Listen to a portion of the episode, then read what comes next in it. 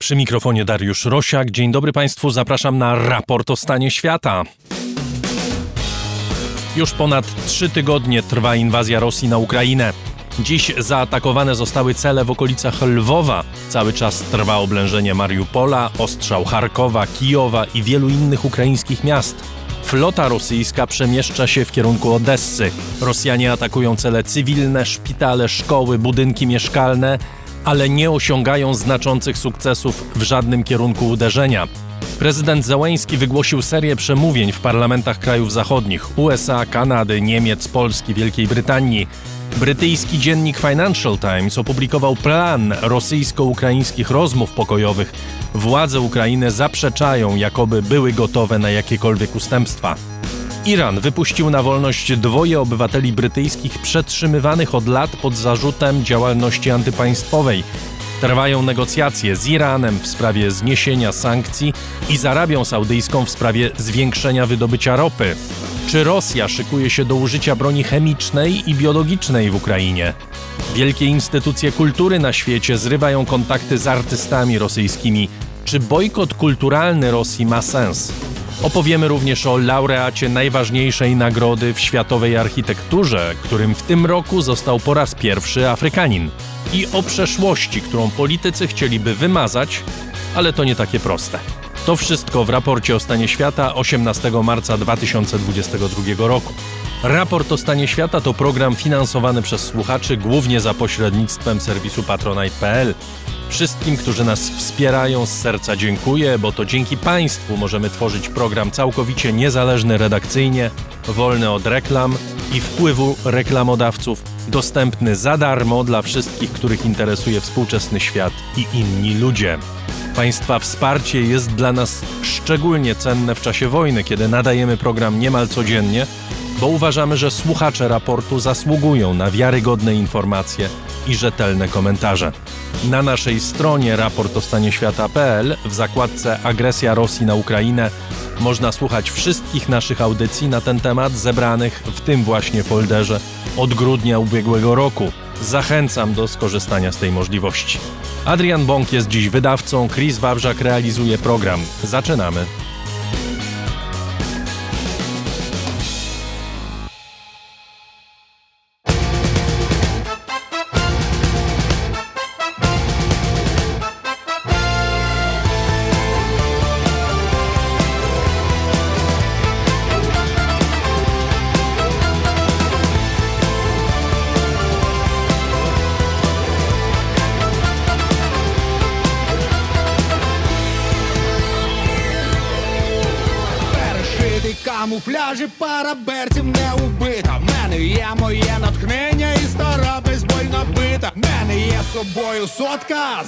дівчина остання.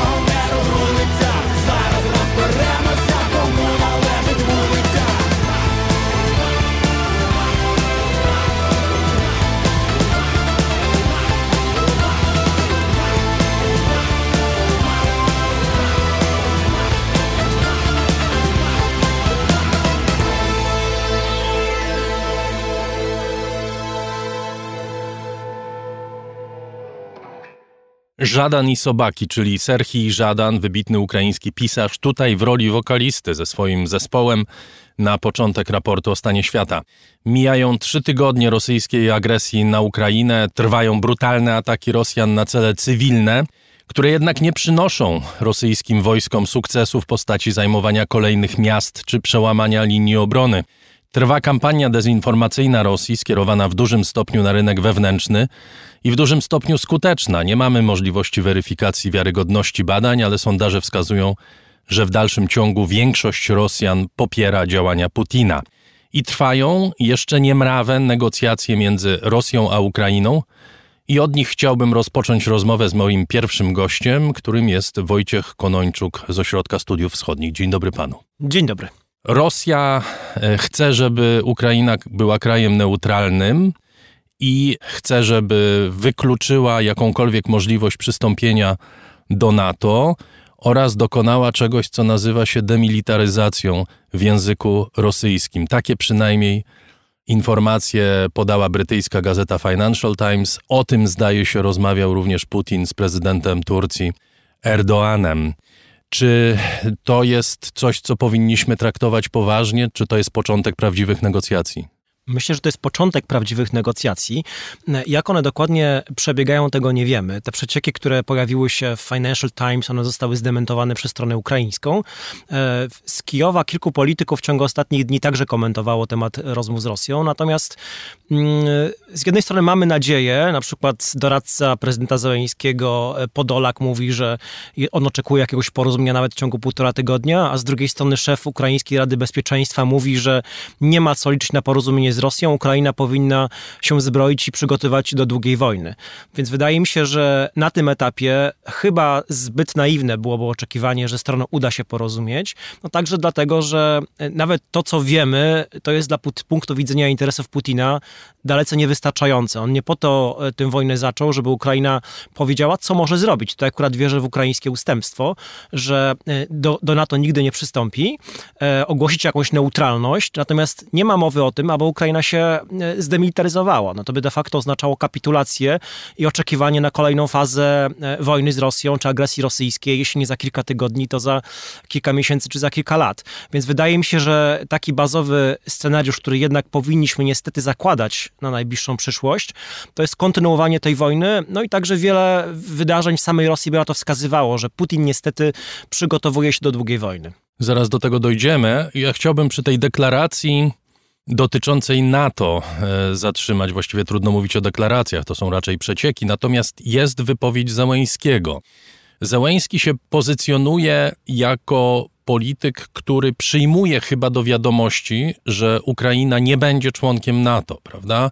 On mówi: Nie chcecie nas przyjąć do NATO, to trudno, to jest wasza odpowiedzialność, natomiast my oczekujemy jakichś gwarancji bezpieczeństwa jakby zrzuca odpowiedzialność na stronę Zachodu, co zresztą chyba jest w miarę sprawne z politycznego punktu widzenia i ciekawym posunięciem, bo w tej chwili to NATO musi jakoś na to odpowiedzieć, bądź nie musi, prawda? Wiemy, że NATO w tej chwili jest w takiej trochę pułapce, która polega na tym, że sama sobie wyznaczyła pewne linie dotyczące użycia siły.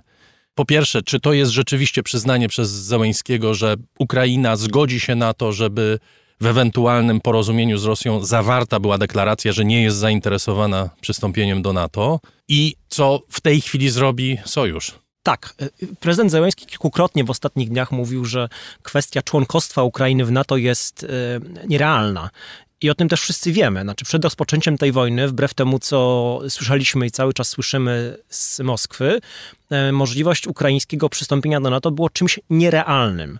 I z tego Ukrainy, Ukraina jest w stanie zrezygnować. To jest to pierwsze ukraińskie ustępstwo. Gdyby doszło dopuśćmy bardzo pozytywnie, optymistycznie do porozumienia z Rosją, to Ukraina będzie w stanie zapisać w porozumieniu, że rezygnuje z członkostwa w NATO, co pewnie będzie oznaczało też konieczność zmiany ukraińskiej konstytucji, gdzie dążenie do członkostwa w NATO i Unii Europejskiej jest zapisane.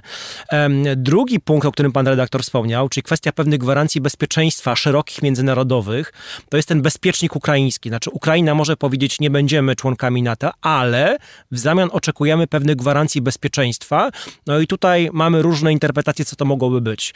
Prawdopodobnie chodziłoby o stworzenie pewnego nowego mechanizmu, gdzie ukraińskie bezpieczeństwo i integralność terytorialna pytanie w jakich granicach, otwarte, jedno z wielu zresztą pytań, na które nie mamy odpowiedzi, byłoby gwarantowane przez członków, stałych członków Rady Bezpieczeństwa ONZ, a więc także na przykład Rosję, plus e, kilka innych państw i tu się między innymi jeden z doradców prezydenta Zeleńskiego mówi na przykład także o roli dla Polski.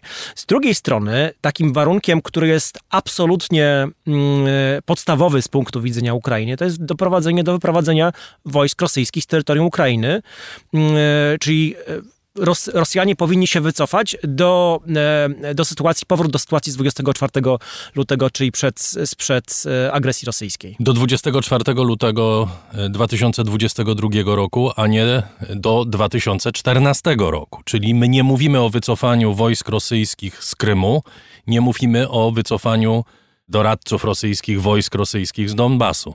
No ukraińskiego, no który należy do Ukrainy. No właśnie, to jest jeden z tych e, punktów, wielu punktów cały czas spornych e, między Rosją a Ukrainą. To znaczy Rosja mówi, Krym, e, kwestia Krymu jest zamknięta, kwestia uznania niepodległości tych separatystycznych republik w Donbasie z punktu widzenia Rosji jest także zamknięta, one nigdy nie wrócą w skład państwa ukraińskiego.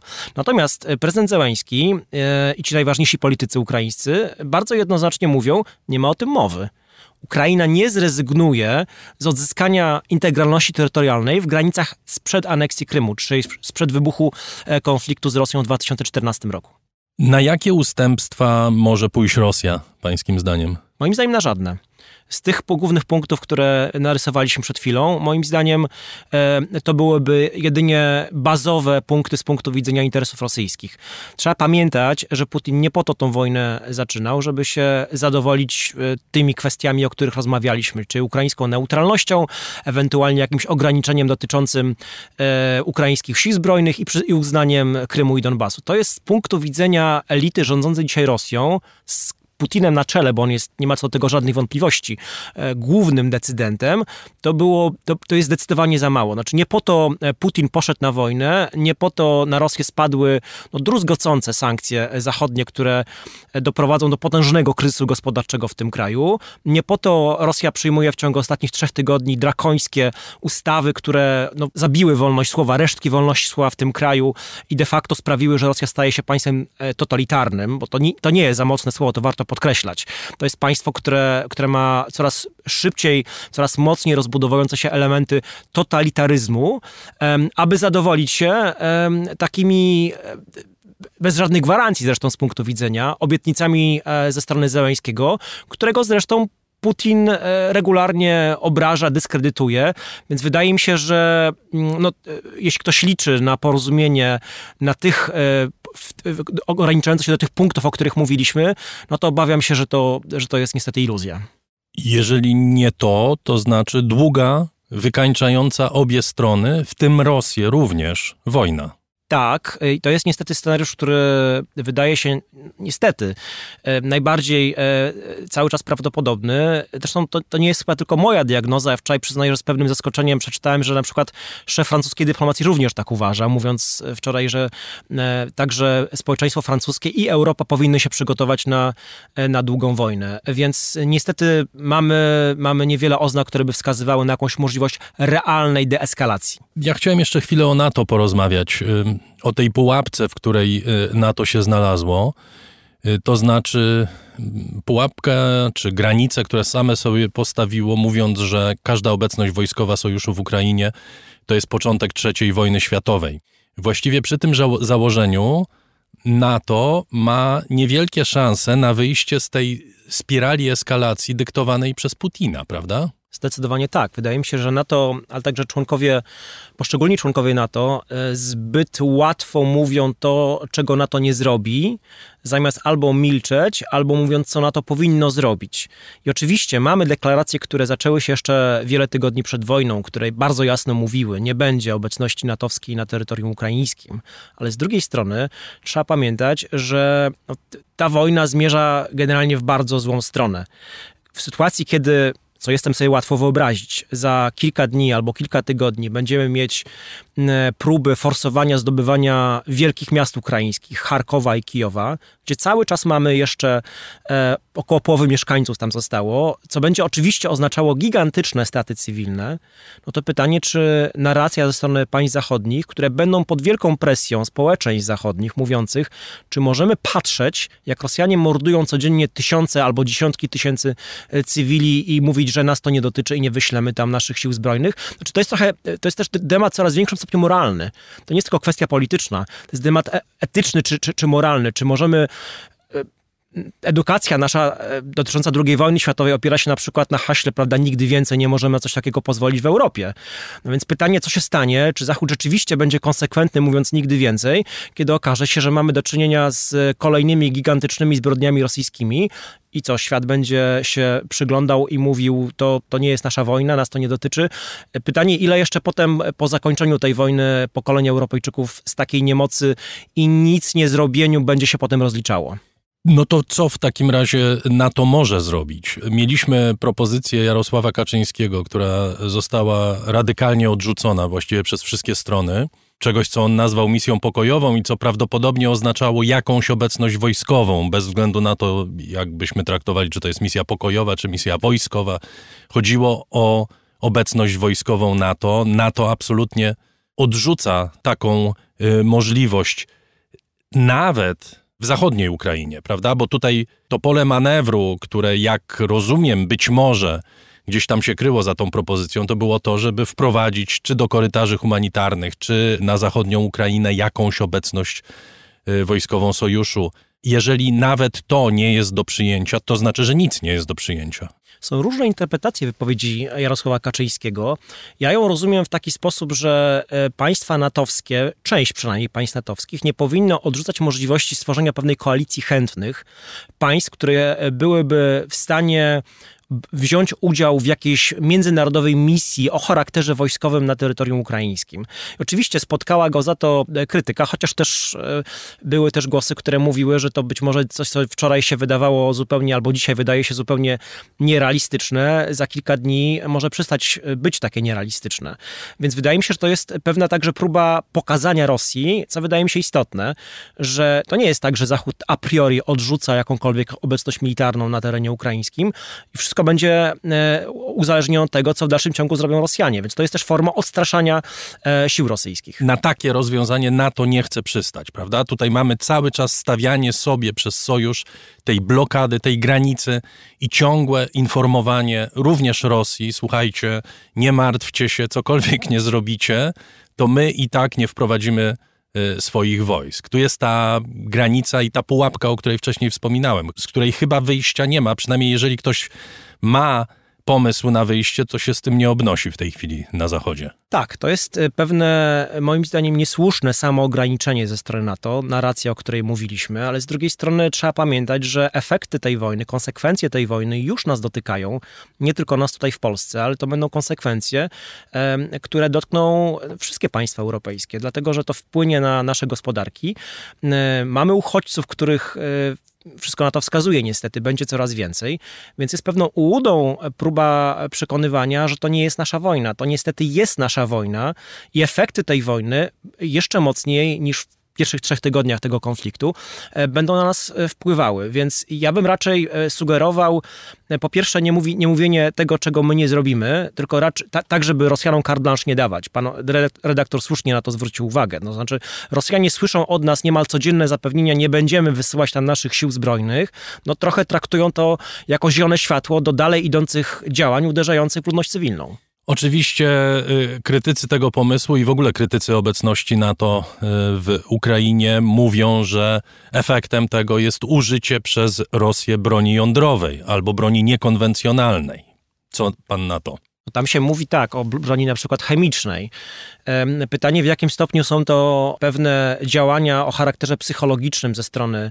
No, widzimy nerwowość Putina. Widzimy człowieka, który ma problemy. Wygląda na to, że ma problemy również w swoim otoczeniu, przynajmniej wśród części oligarchów. Y, widzimy coraz chyba mocniejszy ruch protestu w samej Rosji. To są ciągle protesty niemrawe i protesty, które nie prowadzą do masowego ruchu, ale one są obecne. Czy to nie jest tak, że Putin zapędzony do narożnika może po prostu y, wykonać pewne ruchy, które są nieobliczalne w tej chwili i których konsekwencje będą okrutne? Niestety tego wykluczyć nie możemy. Myślę, że ostatnie trzy tygodnie tego konfliktu, ale też e, droga, jaka do niego doprowadziła, sprawiła, że my wszyscy trochę inaczej patrzymy na to, co jest możliwe, a co jest niemożliwe.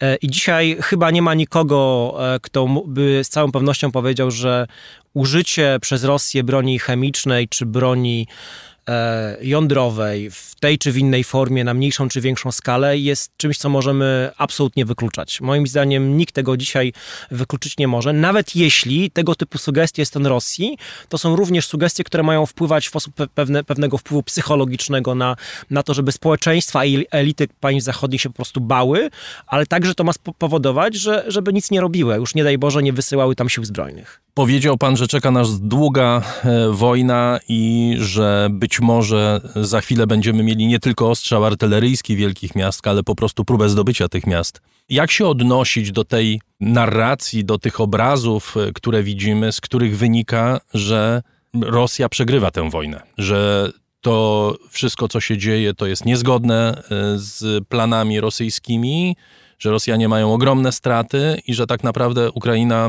kontroluje mniej lub bardziej sytuację. Wszystko na to wskazuje. Rosyjski plan na tą operację, na tą wojnę był zupełnie inny. On zakładał jednak bardzo szybkie postępy armii rosyjskiej, szybkie zajęcie e, Kijowa i także oni liczyli na to, że władze ukraińskie z prezydentem Zełańskim na czele e, szybko stolicę ukraińską opuszczą, udając się do Lwowa, jeszcze lepiej z punktu widzenia rosyjskiego gdzieś na zachód.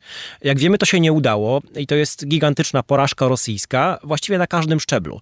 Znaczy Putin pomylił się, prawdopodobnie także osoby, które dostarczały mu informacje, kładły mu na biurku pewne analizy, pomyliły się w ocenie potencjału sił zbrojnych ukraińskich, ale także, co jest chyba nawet ważniejsze, pomyliły się w ocenie potencjału mobilizacyjnego społeczeństwa ukraińskiego, co przyznaję, że dla osób, które się Ukrainą zajmują, chyba nie powinno być żadną niespodzianką, bo akurat tego należało się spodziewać. To, że ukraińskie społeczeństwo, które się bardzo zmieniło w ciągu ostatnich lat, e, zrobi wszystko, żeby dać odpór e, agresorowi. E, mamy też serię już potwierdzoną nawet dymisji w Rosji, między innymi wiceszef Gwardii Rosyjskiej został odwołany. Mówi się także o dymisjach w piątym Departamencie Federalnej Służby Bezpieczeństwa, czyli to jest ta część służb rosyjskich, która za pracę agenturalną odpowiadała. Więc to, że dzisiaj nie ma, niemal nie ma kolaboracji, poza nielicznymi wyjątkami, także na terenach, które zajęli Rosjanie, jest porażką rosyjskich służb, które pewnie deklarowały, że grunt do wprowadzenia wojsk rosyjskich przygotowały. No i wreszcie kolejną bardzo ważną sprawą, która e, pokazuje, że, że ta wojna miała e, z punktu widzenia Kremla zupełnie inaczej wyglądać, jest kwestia rosyjskich strat wojennych. E, w, jeśli chodzi o żo żołnierzy rosyjskich, a także jeśli chodzi o sprzęt rosyjski. Nawet jeśli liczbę podawaną prawie 15 tysięcy zabitych, rannych, wziętych do niewoli żołnierzy rosyjskich podzielimy na dwa, no to i tak wychodzi gigantyczna, gigantyczna cyfra. Wywiad amerykański wczoraj podał, że według ich szacunków około 7 tysięcy żołnierzy rosyjskich zostało zabitych. No i to, żebyśmy to zobrazowali, no to są straty e, to jest mniej więcej 50% strat, jakie Rosjanie ponieśli w ciągu 10 lat, Sowieci ponieśli w ciągu 10 lat operacji czy inwazji na Afganistan.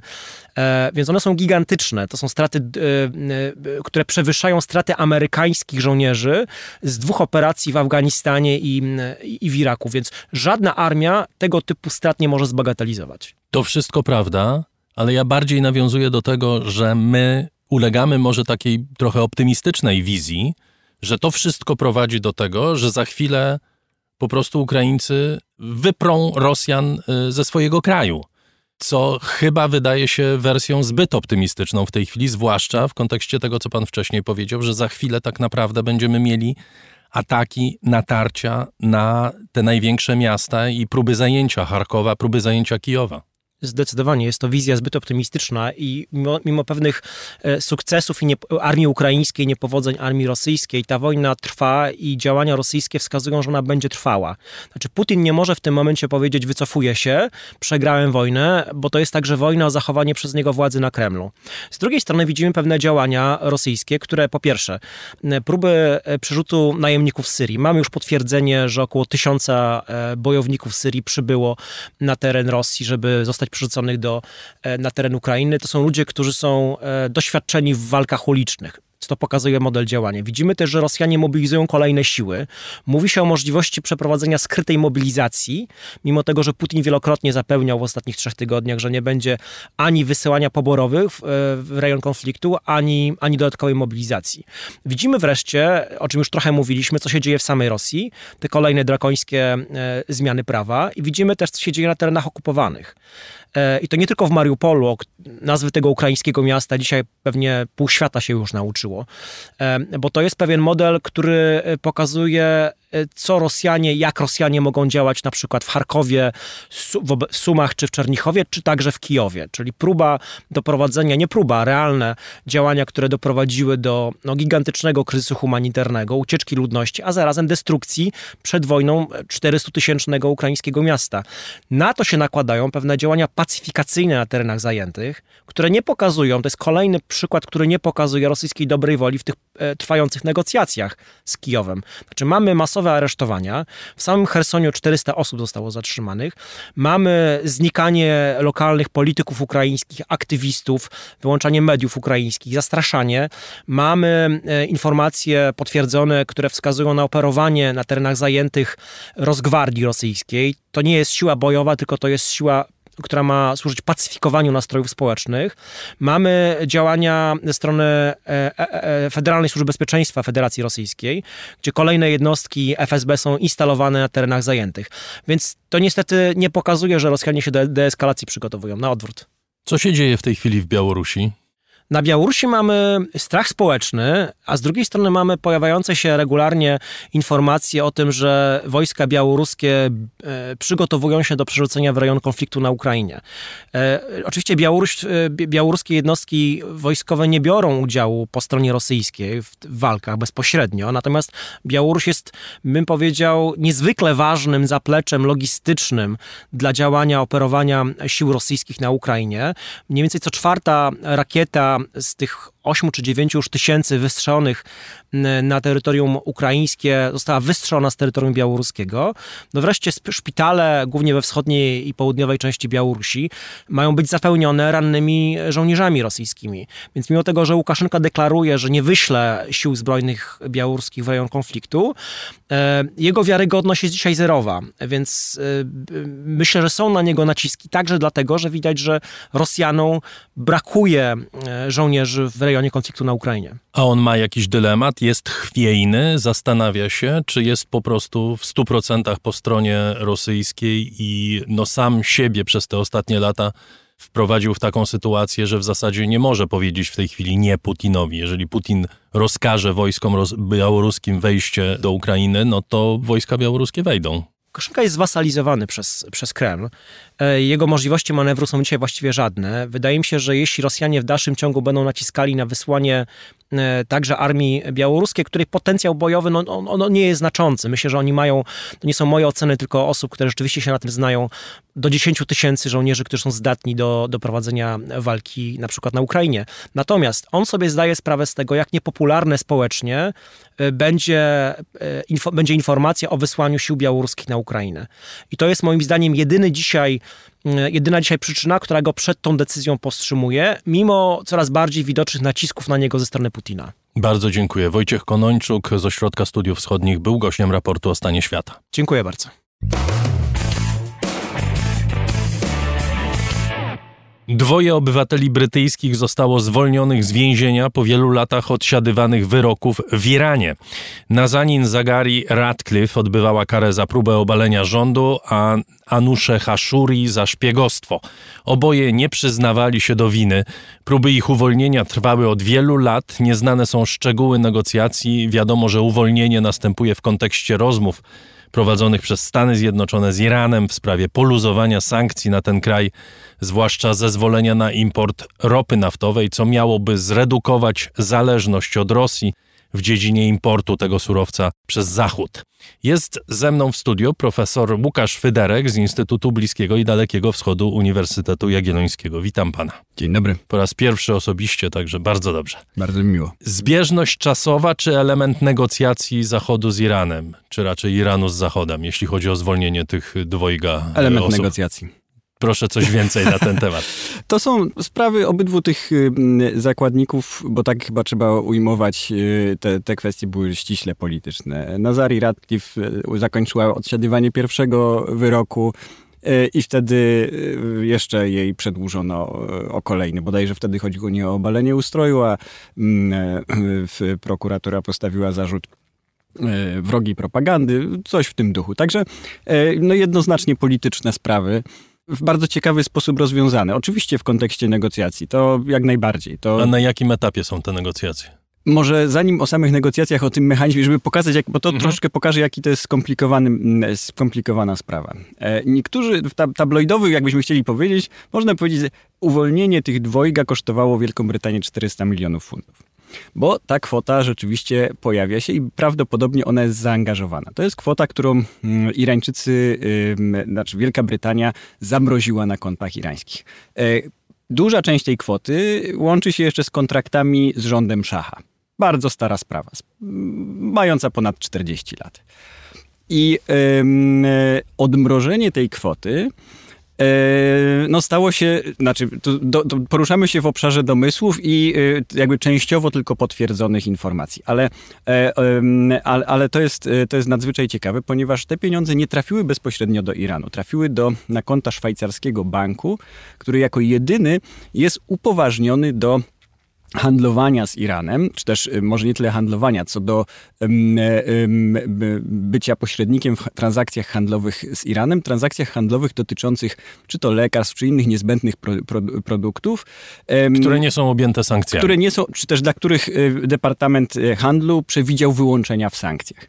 I ten bank miał ten problem, e, czy też to konto, to nie działało za dobrze, bo ono nie było zasilane twardą walutą, nie było zasilane dolarami ani funtami e, i stąd ten mechanizm działał nie, nie, działał za dobrze. A teraz pojawiło się włącz wraz, z, że, tak powiem, z koincydencją, bo nigdzie nie ma potwierdzenia, że to oficjalnie. No po prostu Wielka Brytania podjęła jedną decyzję, a Iran podjął drugą. Można powiedzieć tak, by to e, e, jakby patrzeć zupełnie z boku i legalistycznie. E, Wielka Brytania przelała, e, bądź przeleje e, w te, te, te środki do, na konto tego szwajcarskiego banku i E, ciągle jeszcze nie mówimy o tym, że sankcje zostaną u, u, u, zdjęte, bo tego nie wiemy, prawda? Negocjacje E, e, w, znaczy też formalnie nie zostały zakończone. E, więc, no ale już daje to Iranowi pewnego rodzaju narzędzie, pewnego rodzaju oddech i umożliwia korzystanie z no, dość pokaźnych środków, które tutaj zostały uwolnione. To teraz powiedzmy, na jakim etapie są te negocjacje? Czy rzeczywiście zbliżamy się do momentu, w którym sankcje mogą zostać na tyle zdjęte, że po prostu ropa irańska popłynie na zachód? Tak, y, no bądź na wschód w sumie, bo w, w, w, każdym możliwym kierunku, tak, bo, bo, bo sankcje, przecież to jest ich paradoksalna natura, y, nietypowa jak do tej pory, że zostały nałożone unilateralnie przez Stany Zjednoczone, ale objęły de facto cały świat. Y, I o tym warto pamiętać, że chociaż negocjacje toczą się w forma, formacie w którym mamy mm, państwa Unii Europejskiej, mamy samą Unię Europejską, mamy Rosję, E, ale tak naprawdę chodzi o relacje bilateralne, bo gro tych sankcji, nie wszystkie, ale gro sank- największe sankcje, które są największym ciężarem dla Iranu, zostały nałożone jedno unilateralnie od, przez Stany Zjednoczone. Więc, więc o tym warto pamiętać, gdy mówimy o tym, o co się teraz rozbijają, bo właściwie negocjacje techniczne, prowadzone głównie w Wiedniu, zakończyły się. Zespoły negocjacyjne się rozjechały do swoich stolic. Jest kwestia decyzji politycznej do podjęcia. Czyli w sensie technicznym te negocjacje są zakończone, strony doszły do porozumienia. Prawdopodobnie tak jest. Mamy e, sporo informacji na temat szczegółów i mm, jaka jest skala problemu. Na przykład jednym z zasadniczych problemów jest to, żeby zapewnić że Iran nie będzie w stanie szybko zbudować broni jądrowej. A przypomnijmy, że nie jesteśmy w tym samym momencie, co w 2015 roku, kiedy podpisano oryginalne porozumienie e, nuklearne, bo Iran już e, stworzył sporo materiału nuklearnego. Konkretniej 33 kg z okładem. Więc jedną z zasadniczych punktów trudności jest to, co teraz. E, dla bezpiecze- z perspektywy mm, Stanów Zjednoczonych czy szeroko pojętego Zachodu, ale też Rosji, bo Rosja też nie jest zainteresowana oczywiście tym, żeby Iran miał łatwy dostęp do broni nuklearnej. Kluczowym punktem było, y, było przekazanie przez Iran tego materiału do jakiegoś państwa trzeciego. E, no i teraz pojawia się trudność. Gdzie można zdeponować 33 kg wzbogaconego e, e, uranu do stopnia takiego, że można z niego zbudować już bombę atomową? Więc skala trudności jest niejasna. Oczywiście nie może być to państwo takie jak Stany Zjednoczone, któremu nie ufa, nie ufa Iran. I tu pojawia się kluczowa rola Rosji, bo miała być to wedle przecieków, które docierają, albo Rosja, albo Kazachstan przy współpracy Rosji. I e, w ostatnie wydarzenia na Ukrainę, czy też agresja Rosji na Ukrainę sprawiły, że e, między innymi ten wątek, ta kluczowa rola Rosji została mm, włożona w nawias. Rosja nie jest istotnym graczem, jeżeli chodzi o sankcje. Powiedzieliśmy, że tak jak wspomnieliśmy, sankcje to jest właściwie bilateralna kwestia Iran versus Stany Zjednoczone, ale dla zabezpieczenia tego dealu rola Rosji była i jest ciągle bardzo istotna. No i oczywiście pojawia się kolejny aspekt, który do pewnego momentu nie miał żadnego znaczenia, a w tej chwili jest podstawowy, no bo w ogóle te rozmowy przyspieszyły dlatego, że nagle irańska ropa okazuje się potrzebna, prawda? A Rosja niekoniecznie patrzy na to tak samo jak Amerykanie na przykład, czy Zachód, czy Unia Europejska. Rosji nie zależy na tym, żeby więcej ropy było na rynku niż jest. I nie jestem y, przekonany na, co do tego. Nie jest, znaczy, co do pierwszej części pana tezy. Co do pozostałych, jak najbardziej, oczywiście mamy tu jasny ro, ro, ro, rozdział interesów, ale ym, negocjacje właściwie były już niemalże zakończone na tym poziomie technicznym, jeszcze zanim pierwszy czołg rosyjski wjechał, znaczy nie w dwa Czyli ten aspekt, którym, 24 na którym my się skupiamy w tej chwili, on w zasadzie jest dodatkiem, który już jest poza, Tak. y, poza Tak, tematem znaczy, samych Gdyby negocjacji. nie doszło do wybuchu wojny na Ukrainie, wydaje mi się, że bylibyśmy w dość podobnym punkcie, jeżeli chodzi o negocjacje e, Iranu z, e, powiedzmy, społecznością międzynarodową, tak e, z, z grubsza rzecz ujmując. Czy w tej chwili w takim razie Rosja nie ma interesu, ani nie jest w stanie wykoleić tych negocjacji? No więc był taki sygnał i wyglądało, że próbowała. Ostatnie zapowiedzi Ławrowa y, po rozmowie z, ze stroną irańską są takie, że, że Rosja będzie współpracować. Y, to istotna była też zapowiedź ze strony Waszyngtonu, który, który to Waszyngton dał gwarancję, że mm, w przyszłe przyszłe e, relacje gospodarcze Rosji z Iranem nie zostaną dotknięte, czy też e, sankcje na Rosję nie uszczuplą możliwości robienia interesów Rosji z Iranem. I tutaj mamy dwie kwestie, które są delikatne. Po pierwsze, to, że Iran w tym, w tym momencie może stanowić furtkę, przez którą Rosja będzie starała się omijać własne sankcje.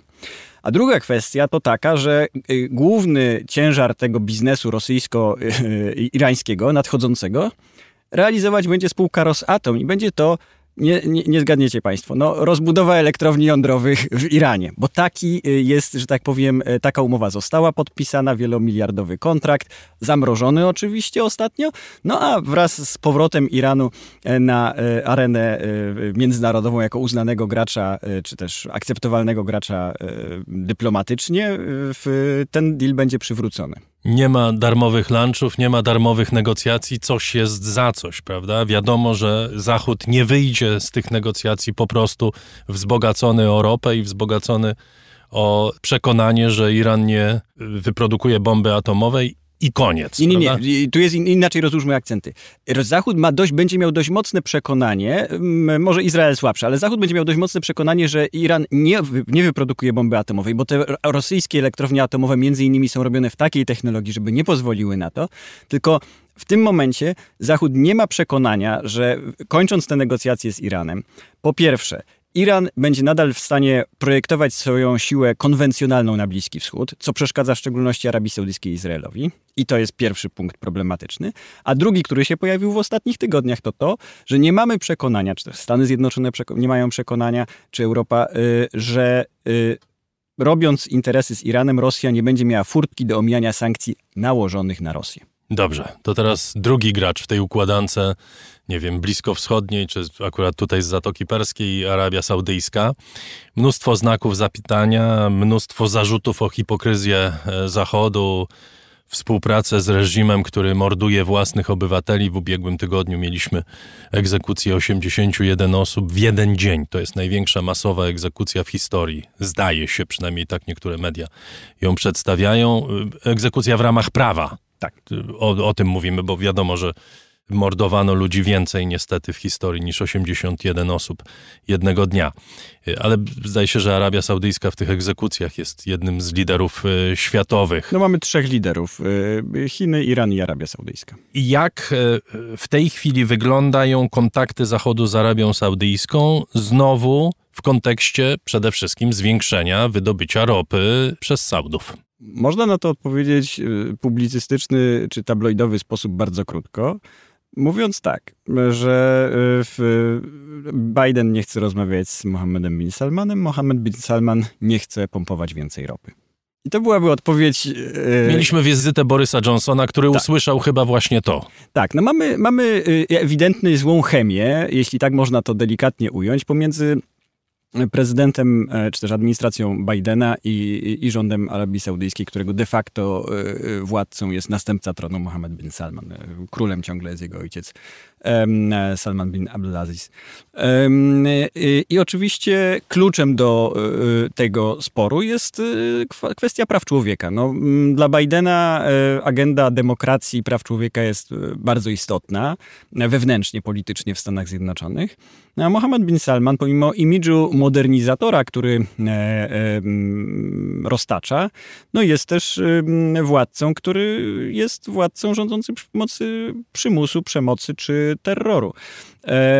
I, i, I to jest bardzo potężny spór, który sprawia, że Arabia Saudyjska czuje się, czy też jej, jej, jej elita rządząca w tym momencie, elita skupiona wokół tej części rodziny, która przejęła władzę wraz z Mohammedem bin Salmanem. E, czuję, e, że nie ma powodu, żeby teraz iść na rękę Stanom Zjednoczonym, jak często czynili e, poprzedni królowie Arabii Saudyjskiej, czyli byli to wujowie Mohameda bin Salmana oraz je, no, jego dziadek, to jeszcze były dawne czasy, ale wujowie, którzy zazwyczaj rzeczywiście w chwilach, gdy Stany Zjednoczone prosiły o zwiększenie wydobycia celem obniżenia cen ropy, w mniejszym lub szybciej bądź wolniej, ale reagowali pozytywnie na te prośby. E, co pomagało przez lata w toku różnych kryzysów e, stabilizować ten, ten rynek. E, teraz takiego porozumienia nie ma. Chemia jest zła między tymi dwoma przywódcami. Jakie jest stanowisko Arabii Saudyjskiej wobec wojny? No to jest bardzo złożone, bo mm, z jednej strony Rosja jest konkurentem. Rosja jest konkurentem w, w Arabii Saudyjskiej na rynkach ropy, ale z drugiej strony E, ostatnio, odkąd działa e, mechanizm OPEC, przypomnijmy, w OPEC jest kartelem e, państw naftowych, ten plus oznacza, że jest rozszerzony o Rosję. Arabia Saudyjska zdała sobie sprawę, że no jednak najlepiej oddziaływać na ceny wspólnie z Rosją. Może jeszcze, jak kształtują się ceny ropy naftowej? To jest taki, tak, takie dosłownie krótkie wprowadzenie, żebyśmy mieli, mieli jasność. OPEC działa w ten sposób, że ministrowie spraw ropy naftowej z największych państw eksportujących ropę naftową zbierają się co kwartał i ustalają poziomy wydobycia. E, te poziomy wydobycia zazwyczaj są nieprzestrzegane tak do końca przez państwa, ale e, mniej więcej określają poziomy wydobycia. I wtedy rynek wie, ile ropy e, trafiać będzie na, na rynki, kształtuje się cena. I teraz, jeżeli w takich sytuacjach jak, jak ta, Większość państw nie ma możliwości, co też trzeba, o, tym, o tym też trzeba pamiętać, nie ma możliwości po prostu przesunięcia suwaka i zwiększenia wydobycia od tak. Nawet jeżeli są to duzi producenci, powiedzmy jak Irak, e, czy, czy Wenezuela, czy Iran, który teraz jest trochę poza, poza tym systemem. Arabia Saudyjska jest wyjątkowa, ponieważ jej geologiczne struktury, w których jest ro, ropa naftowa w Arabii Saudyjskiej, rzeczywiście pozwalają na niemalże bezproblemowe zwiększenie wydobycia. Dlatego nazywają się swing producerem, e, takim właśnie producentem, który ma nie to, że jest jednym z największych eksporterów, a w niektórych momentach największym eksporterem ropy naftowej, to jeszcze przez swoje e, unikalne e, e, charaktery złóż, które ma, ma możliwość szybkiego rzucenia na rynek, szybkiego zwiększenia wydobycia i wpływania na ceny ropy. No ale musi po temu być wola w, która jest wolą jednoosobową w monarchii absolutnej, no, czyli wola króla, w tym przypadku księcia koronnego. No, tej woli E, woli nie ma. E, w, e, co do konfliktu na Ukrainie, w Arabia Saudyjska, w odróżnieniu od prawie wszystkich innych krajów na Bliskim Wschodzie, nie przejmuje się zaopatrzeniem w zboże, bo powiedzmy sobie jeszcze i ten wątek, że dla wielu no władców no tak. bliskowschodnich ten problem sprowadza się do jednego zasadniczego problemu bezpieczeństwa żywnościowego. E, to jest ogromny problem dla Egiptu, Syrii, Libanu, Iraku, ale to nie jest problem dla Arabii Saudyjskiej, bo Arabia Saudyjska ma wielo, wieloletnie dostawy zakontraktowane ze Stanów Zjednoczonych i z Kanady. Więc z tego punktu widzenia władcy Arabii Saudyjskiej nie czują się w żaden sposób pod presją, a w pewnej perspektywie długotrwałe mm, przeciąganie konfliktu na Ukrainie, wyłączenie z, Rosji, z, z rynku, czy ostracyzm wobec y, rosyjskiej ropy dla interesów naftowych Arabii Saudyjskiej działają pozytywnie. Dobrze, to jeszcze korzystając z Pana obecności w studiu, jeszcze jeden temat pewnie zbyt pobieżnie, bo nie mamy czasu, żeby y, tak naprawdę poświęcić mu wystarczającą ilość czasu, ale rzecz warta wspomnienia. 15 marca minął 11 rok wojny w Syrii, dramat milionów ludzi, kilkaset tysięcy zabitych, miliony uchodźców, rozbite życie wielu, wielu ludzi. I dziś patrzymy na Syrię nie tylko jako na miejsce tragedii ludzkiej, ale także na, y, jako na poligon, na którym szkoliła się Rosja. Jako y, też być może wojnę, którą gdyby nie Rosja, Assad przegrałby już jakiś czas temu. Z całą pewnością by ją przegrał, gdyby nie Rosja. Y, czynimy, niektórzy czynią różne porównania między wojną w Syrii, wojną na Ukrainie. Jak pan patrzy na to w kontekście tego, co dzieje się na Ukrainie, jak pan patrzy na tą tragedię syryjską? Wie co, myślę, że wiele książek powstanie na temat, e, że, że powstaną teorie w stosunkach międzynarodowych na temat efektu demonstracji, na temat tego, że e, e, w, społeczność międzynarodowa, nie reagując w Syrii, zademonstrowała, że można swoją tolerancję na bardzo szeroki zakres łamania praw człowieka i, i na przyzwolenie oddziaływania E, no, samemu Władimir, Władimirowi Putinowi i e, elicie e, siłowików wokół niego zgromadzonym. Dlaczego Assad był bardzo bliski upadku?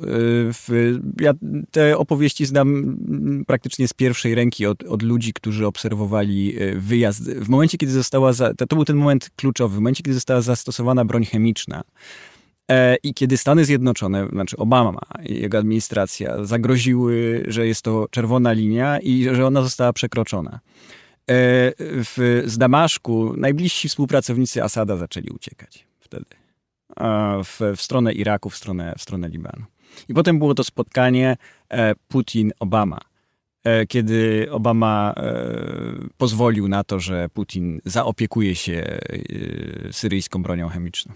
I to był dość jeden z, z, ważnych momentów przełomowych w tej wojnie. E, e, reżim, który już był e, prawie rozpadnięty, powrócił. A drugi to moment, w którym, e, w którym no, e, centrum Damaszku, pałac prezydencki były w 2015 roku ostrzeliwane już przez, przez e, powstańców. E, no i wtedy Rosja wkroczyła wspólnie z Iranem, e, bezpośrednio zaingerowała w tę wojnę, czyli, czyli nie tylko wspieranie finansowe, co czyniła od samego początku, czy, czy wysyłanie instruktorów i broni, drukowanie funtów syryjskich w, w, w Moskwie i przewożenie ich samolotami do, do Damaszku, tylko, tylko bezpośrednie operacje e, rosyjskich sił powietrznych, bombardowania miast i, i, i powstańców czy dżihadystów.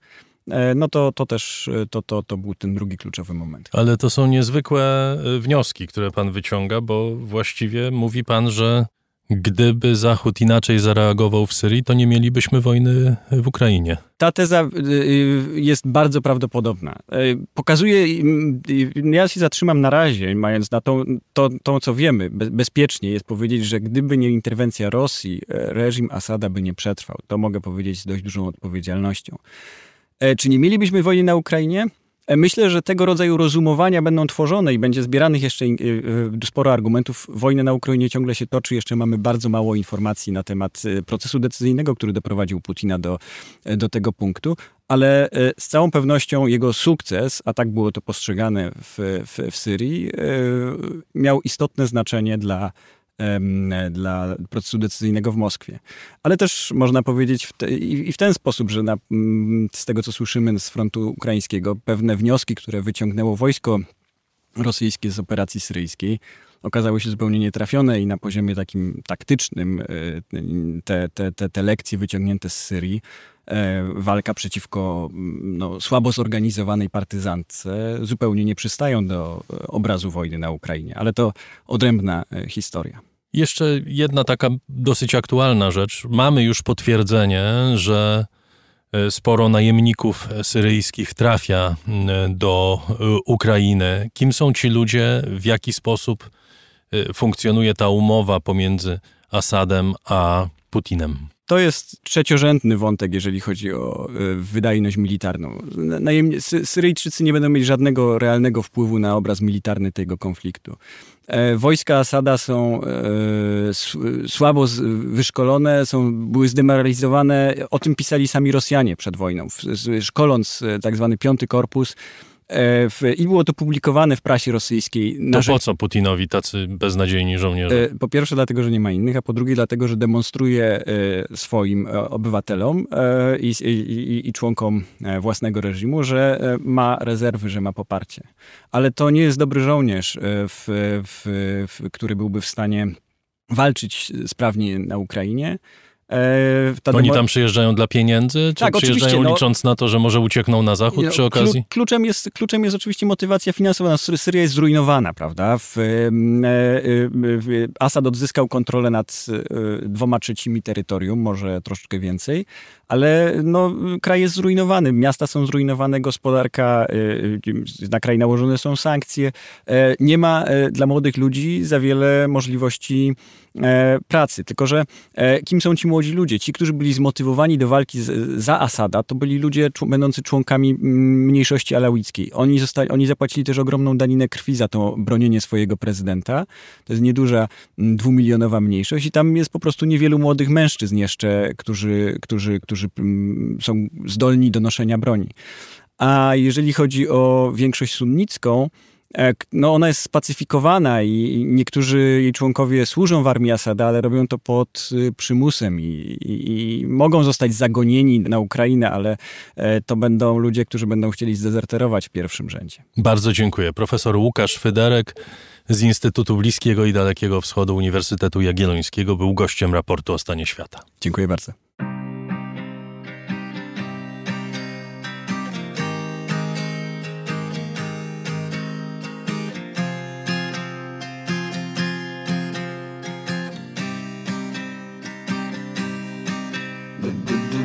Не був, не забуду дім.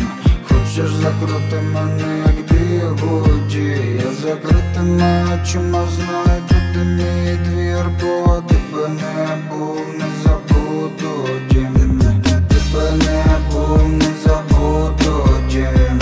Хочеш закрути мене, як бігуді? Я закритими очима знайду,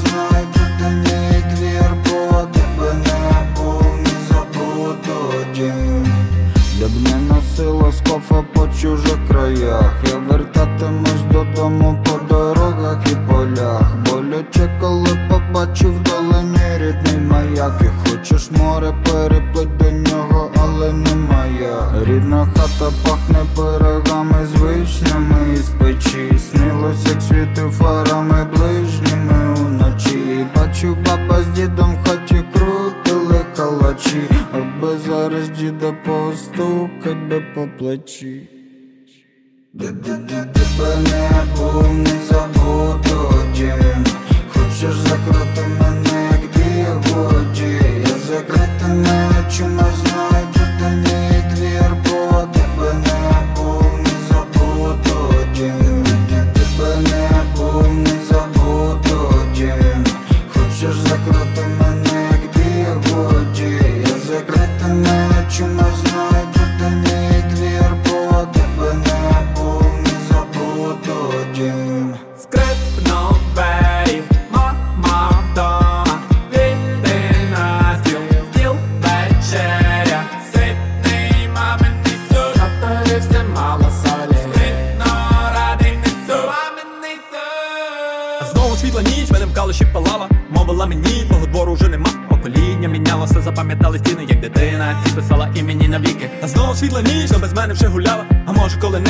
jumping this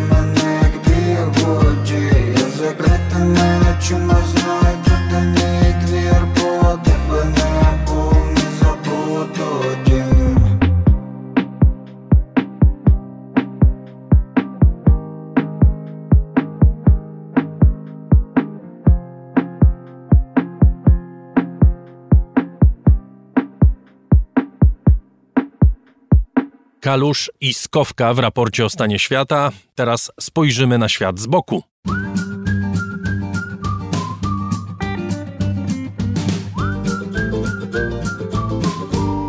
Grzegorz Dobiecki, na co dzień gospodarz programu Dzień na świecie w telewizji Polsat News, jak zwykle patrzy u nas na świat z boku. Dziś o historii, której politykom trudno się wyprzeć, choćby nie wiem jak się starali.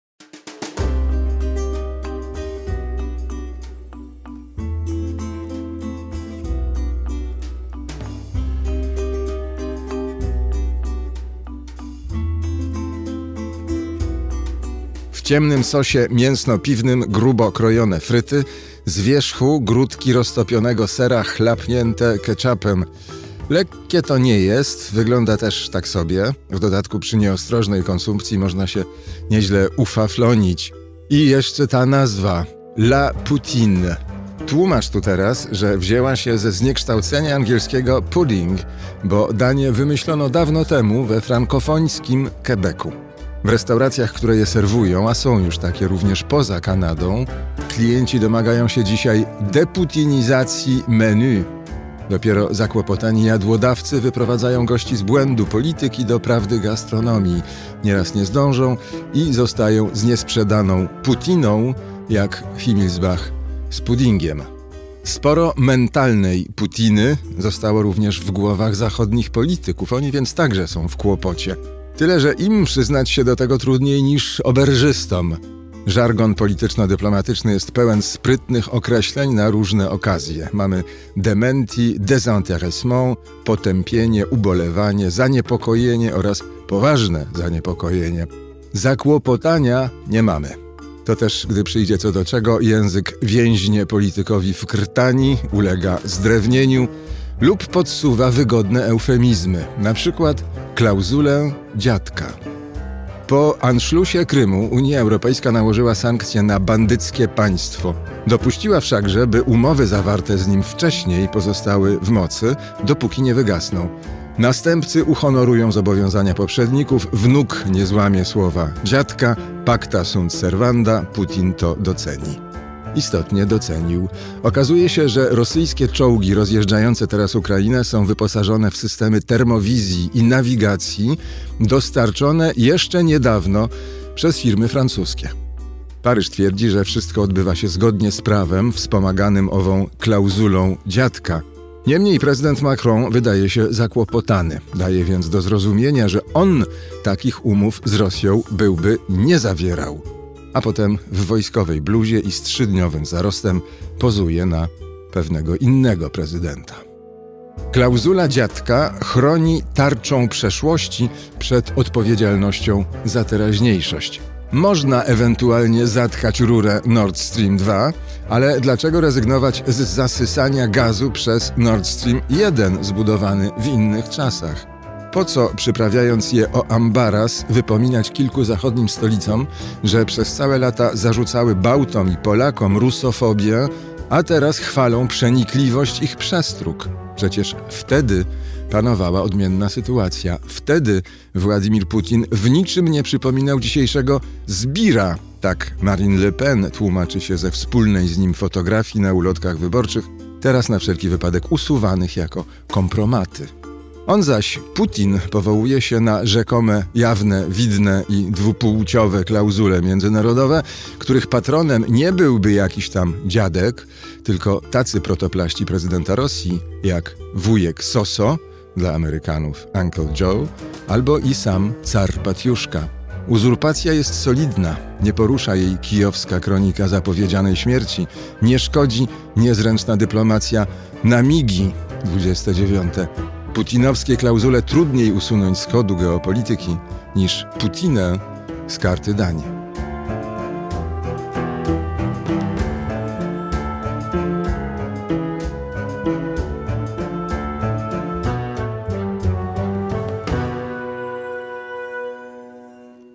Proszę Państwa, Świat z boku to rubryka raportu, którą Grzegorz wypełnia od dwóch lat i bardzo mi miło poinformować, że jego felietony ukazują się właśnie w formie książkowej.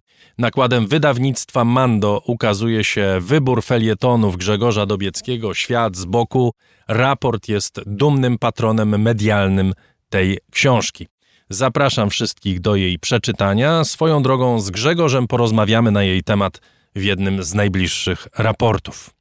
To jest bardzo gorący moment w naszej pracy. Bardzo Państwu dziękuję za słowa wsparcia. Dziękuję bardzo za finansowe wsparcie raportu, bez którego naszego programu by nie było. Przede wszystkim dziękuję za słuchanie nas. Grono odbiorców raportu ciągle rośnie i bardzo się cieszę, że tak właśnie jest.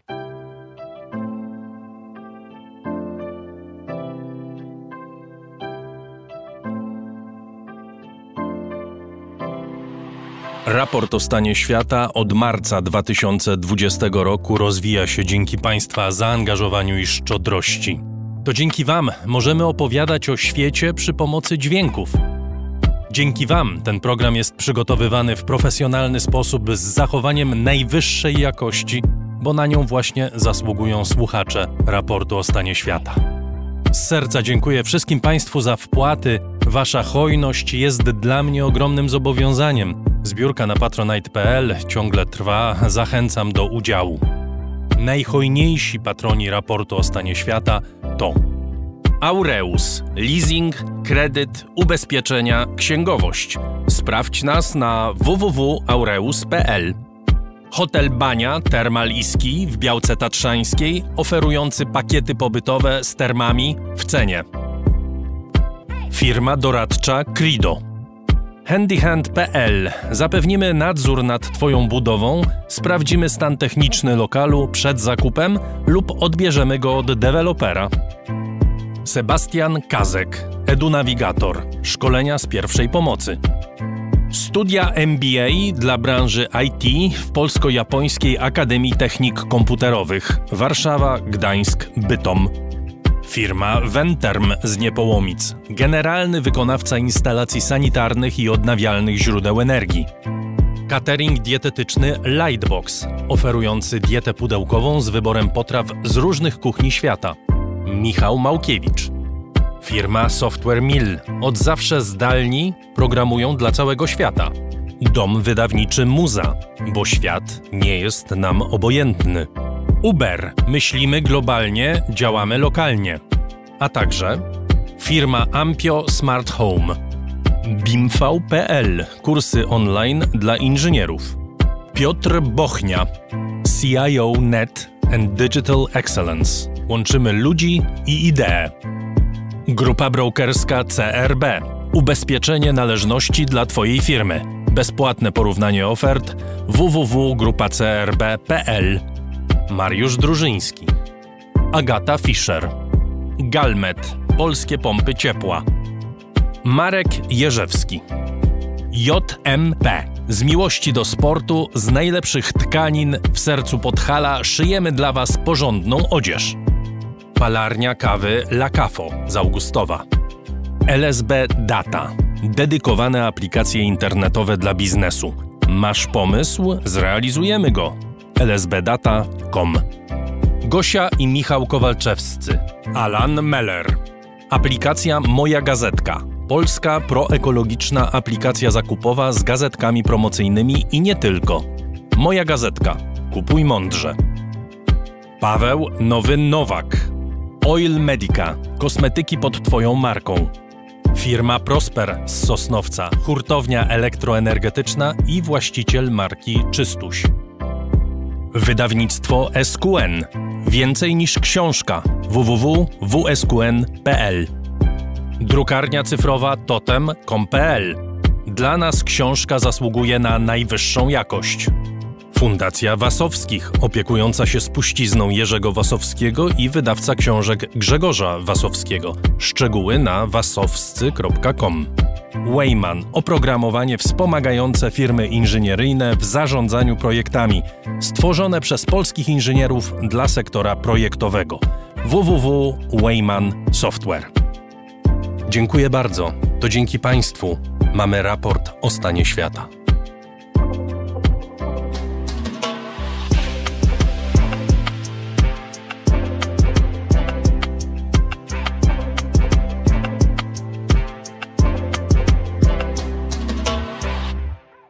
Pochodzący z Burkina Faso Francis Kere został tegorocznym laureatem nagrody Pritzkera.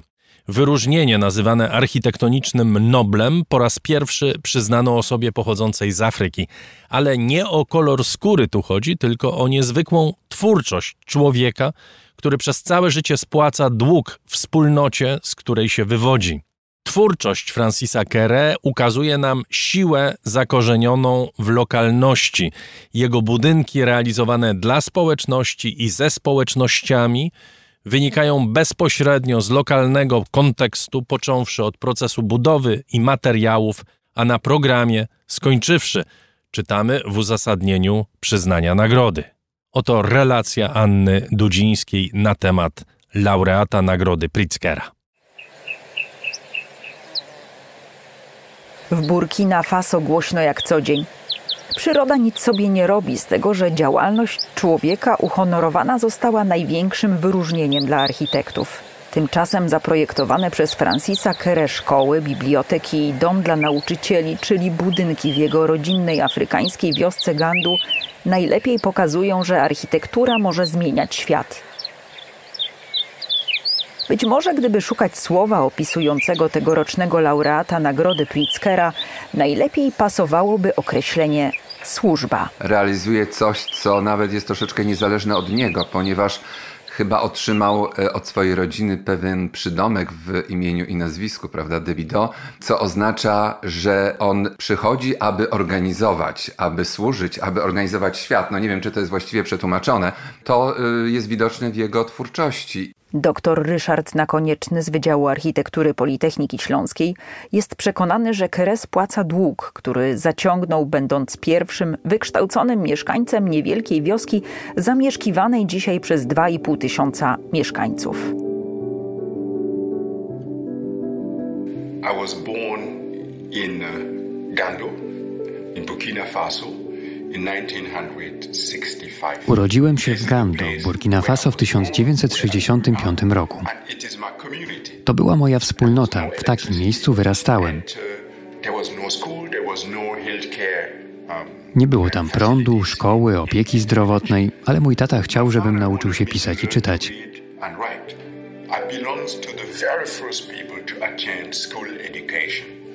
Należałem więc do szczęśliwców, którzy poszli do szkoły. To było wielkie wyzwanie dla mojej rodziny, a ja opuściłem rodziców, gdy miałem 7 lat. Opuściłem też wspólnotę, którą tak bardzo kochałem i wyjechałem do miasta położonego 20 kilometrów dalej. To, co wydawało się balastem, okazało się siłą napędową mojej kariery. Uh.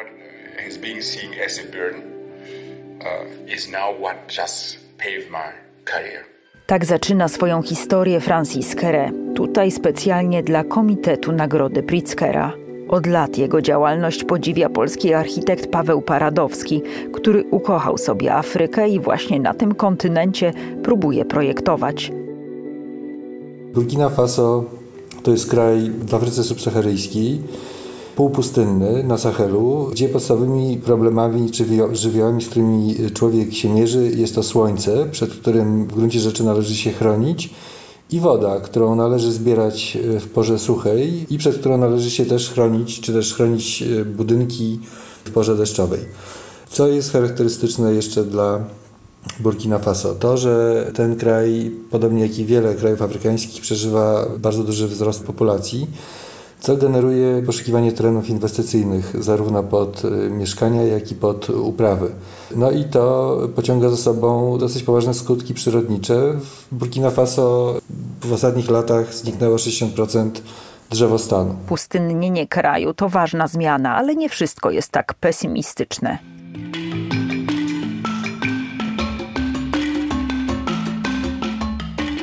No i takie jeszcze dodatkowe rzeczy, które trzeba wspomnieć, a które y, później można będzie odnaleźć łatwo w architekturze Kere, to jest na przykład to, jak się tam ubierają kobiety. Kobiety się ubierają w piękne, kolorowe ubrania szyte z tkanin typu Ankara czy Wax Print. Kolorowe, bardzo wzorzyste tkaniny.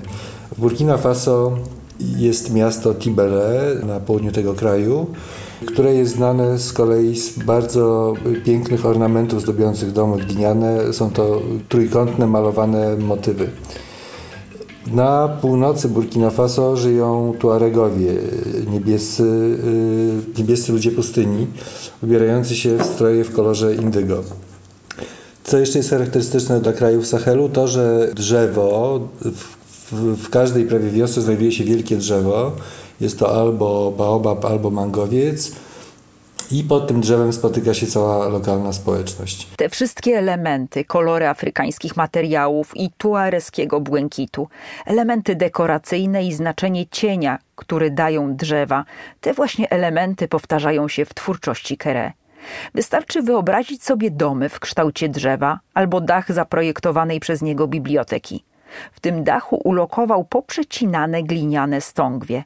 Przez otwory na zewnątrz wydostaje się ciepło, a do środka wpada piękne światło.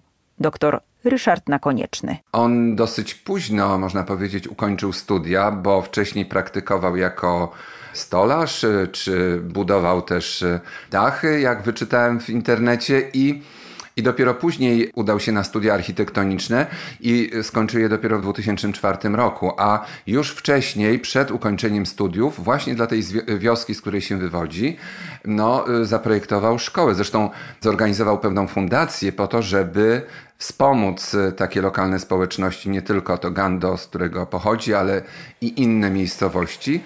No i y, próbował zawsze jak gdyby edukować. On też jak gdyby dzięki tej edukacji zdobył tą pozycję, jaką ma. Architekt przyjeżdża do swojej wioski i mówi: Będziemy budowali z gliny. Społeczność krzyczy: Nie, przecież z gliny budujemy od wieków i wszystko niszczy się po ulewnych deszczach. Kere krok po kroku wyjaśnia, że stary materiał i nowa innowacyjna metoda mogą zdziałać cuda. I krok po kroku jego sąsiedzi stają się specjalistami w dziedzinie budowania sprasowanych bloków glinianych. Jak przekonał swoich sąsiadów, przydała się piękna metafora.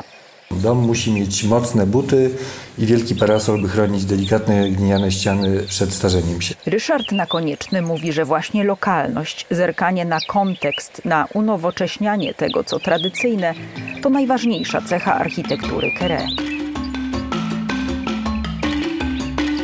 Wydaje mi się, że teraz jest czas na to, żeby zwrócić się ku takiej innej idei w architekturze, żeby nie lansować jakichś takich e, międzynarodowych, uniwersalnych wpływów, tylko po prostu upowszechniać indywidualności oparte na jakichś nieznanych jeszcze aspektach kulturowych e, czy związanych właśnie z nawet ubogimi miejscami na świecie. I chyba Kere udowodnił, że przy użyciu bardzo takich mm, prostych środków można też tworzyć architekturę bardzo humanitarną. I wydaje mi się, że on stosuje już wcześniej znaną taką ideę, którą upowszechniał na przykład John Ruskin w momencie, kiedy w Wielkiej Brytanii i w ogóle całym świecie no, dominował eklektyzm i taka, taki uniwersalizm kulturowy, a John Ruskin w takim dziele Siedem blasków architektury właśnie wracał do korzeni, do regionu, do takich tradycji, które są charakterystyczne dla mm, danej społeczności. Chciał także, żeby nie lansować siebie i tego obiektu, tylko cel, któremu y, po prostu ten obiekt ma służyć, żeby po prostu też korzystać z tej siły roboczej i z tych artystów, którzy są dookoła. I to, był taki, to była taka rewolucja w architekturze wtedy, bo przecież narodził William Morris, podjął tą e, ideę i ten ruch Arts and Crafts Movement. Witkiewicz przecież poszedł też za ciosem, zresztą zapraszał Roskina do, do siebie i wylansował przecież styl zakopiański. No wydaje mi się, że kolejnym sukcesorem pewnych takich idei jest właśnie Francis Kere, który też właśnie opiera całą swoją architekturę na właśnie takiej lokalnej tradycji, którą upowszechnia na zewnątrz. Ale dla samego architekta ważna jest nie tylko lokalność, ale przede wszystkim zwrot, który próbowałam tu określić wieloma słowami. Sąsiedzi, wspólnota, społeczność. Francis Kere właśnie dla nich projektuje, z nimi buduje, od nich czerpie inspirację i im chce poprawić warunki życia. When I was a kid, I was going to school. I was coming back every holiday to Gandu. By the end of every holidays, I have to say goodbye to the community, going from one compound to another one. Kiedy byłem dzieckiem i chodziłem do szkoły, wracałem na każde wakacje do Gando. Pod koniec pobytu żegnałem się ze wszystkimi mieszkańcami wioski. Szedłem od jednej chaty do drugiej. Wszystkie kobiety w Gando sięgały do zwojów swojej sukni, w której trzymały pieniądze i dawały mi ostatniego grosika. W mojej kulturze to symbol największej sympatii. Miałem 7 lat i byłem tym zafascynowany. Kiedyś zapytałem mamę, dlaczego te wszystkie kobiety tak bardzo mnie kochają. Odpowiedziała, one płacą za Twoją edukację i mają nadzieję, że pewnego dnia wrócisz i poprawisz warunki, w jakich żyją.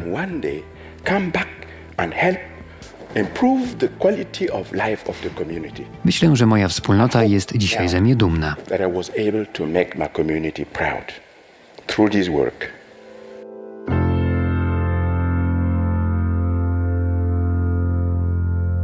Dla raportu o stanie świata Anna Dudzińska. Wybitny rosyjski dyrygent Waleryj Giergiew i solistka operowa Anna Netrebko od początku wojny stracili kilka intratnych kontraktów w krajach zachodnich. Filharmonia w Monachium nie chce współpracować z Giergiewem. Metropolitan Opera w Nowym Jorku ogłosiła, że nie zamierza współpracować z muzykami, którzy wspierają Władimira Putina. Jednocześnie niektóre instytucje czy rozgłośnie radiowe w proteście przeciwko wojnie wyłączają ze swoich repertuarów muzykę rosyjską, klasyczną i nie tylko. Czy kancelowanie Czajkowskiego albo Szostakowicza to dobry pomysł na protest przeciwko zbrodniom Putina? Czy muzycy i inni artyści rosyjscy mają rację, gdy mówią, że sztuka jest poza polityką? O tym porozmawiam z moim kolejnym gościem, którym jest Piotr Kamiński, krytyk muzyczny, tłumacz. Witam cię, dzień dobry. Dzień dobry. Nie jestem politykiem, tylko przekazicielem niemieckiej muzyki, która należy do całej ludzkości, niezależnie od polityki. Wiesz, czyje to słowa? No pewnie ktoś taki jak Wilhelm Furtwängler albo coś w tym rodzaju. Tak, 36 rok. Otóż to. Y, No tak, ja muszę powiedzieć, że na to pytanie, czy to ma sens, y, muszę y, odpowiedzieć wymijająco. To znaczy, mówi się, że y, w wojnie pierwszą ofiarą pada prawda. Mnie się zdaje, że jest jeszcze druga ofiara, to znaczy, jakby to nazwać, taki cienki skalpel y, subtelności y, zostaje za, zastąpiony przez siekierę. Siekiera jest to bardzo przydatny y, przedmiot, ale mam wrażenie, że w tym wypadku stosowany jest niezgodnie y, z przeznaczeniem. Y, Nie, nie można odpowiedzieć ogólnie na to pytanie, y, które, które mi zadałeś, bo tu jest całe mnóstwo różnych bardzo szczególnych przypadków, szczegółowych przypadków i trzeba je moim zdaniem, zwłaszcza w takiej sytuacji takiego, no jakby paniki moralnej, poza wszystkim innym oczywiście, która nas ogarnęła. Tu przede wszystkim powinniśmy dbać o pewne subtelności, bardzo staranne rozdzielanie popiołu od, od, od, od maku. To bądźmy subtelni. Co zrobić z kimś takim jak Giergiew, który występuje w Syrii po zajęciu jej przez wojska rosyjskie w południowej Osetii? Co zrobić z Anną Netrebko, która występuje dla Putina? Jest zdjęcie dostępne z flagą separatystów donieckich. Mówi przy tym, że się nie zna na polityce i to w ogóle nie, ona nie rozumie, o co w tym wszystkim chodzi. Co zrobić z takimi artystami, którzy traktują swoją sztukę wybitną jako taką flagę, którą powiewają i mówią: Słuchajcie, w ogóle do nas się nie dotykajcie, bo my pięknie śpiewamy albo piękną muzykę tworzymy. Y, No właśnie, tutaj już w, w tych dwóch nazwiskach są dwie rubryki, takie dwie, dwa słupki y, u mnie. Co do Giergiewa nie ma absolutnie najmniejszych wątpliwości. Y, Ten człowiek w moim, ja nigdy nie, nie, nie uważam go za wielkiego dyrygenta, ale w końcu to jest moja intymna, prywatna opinia.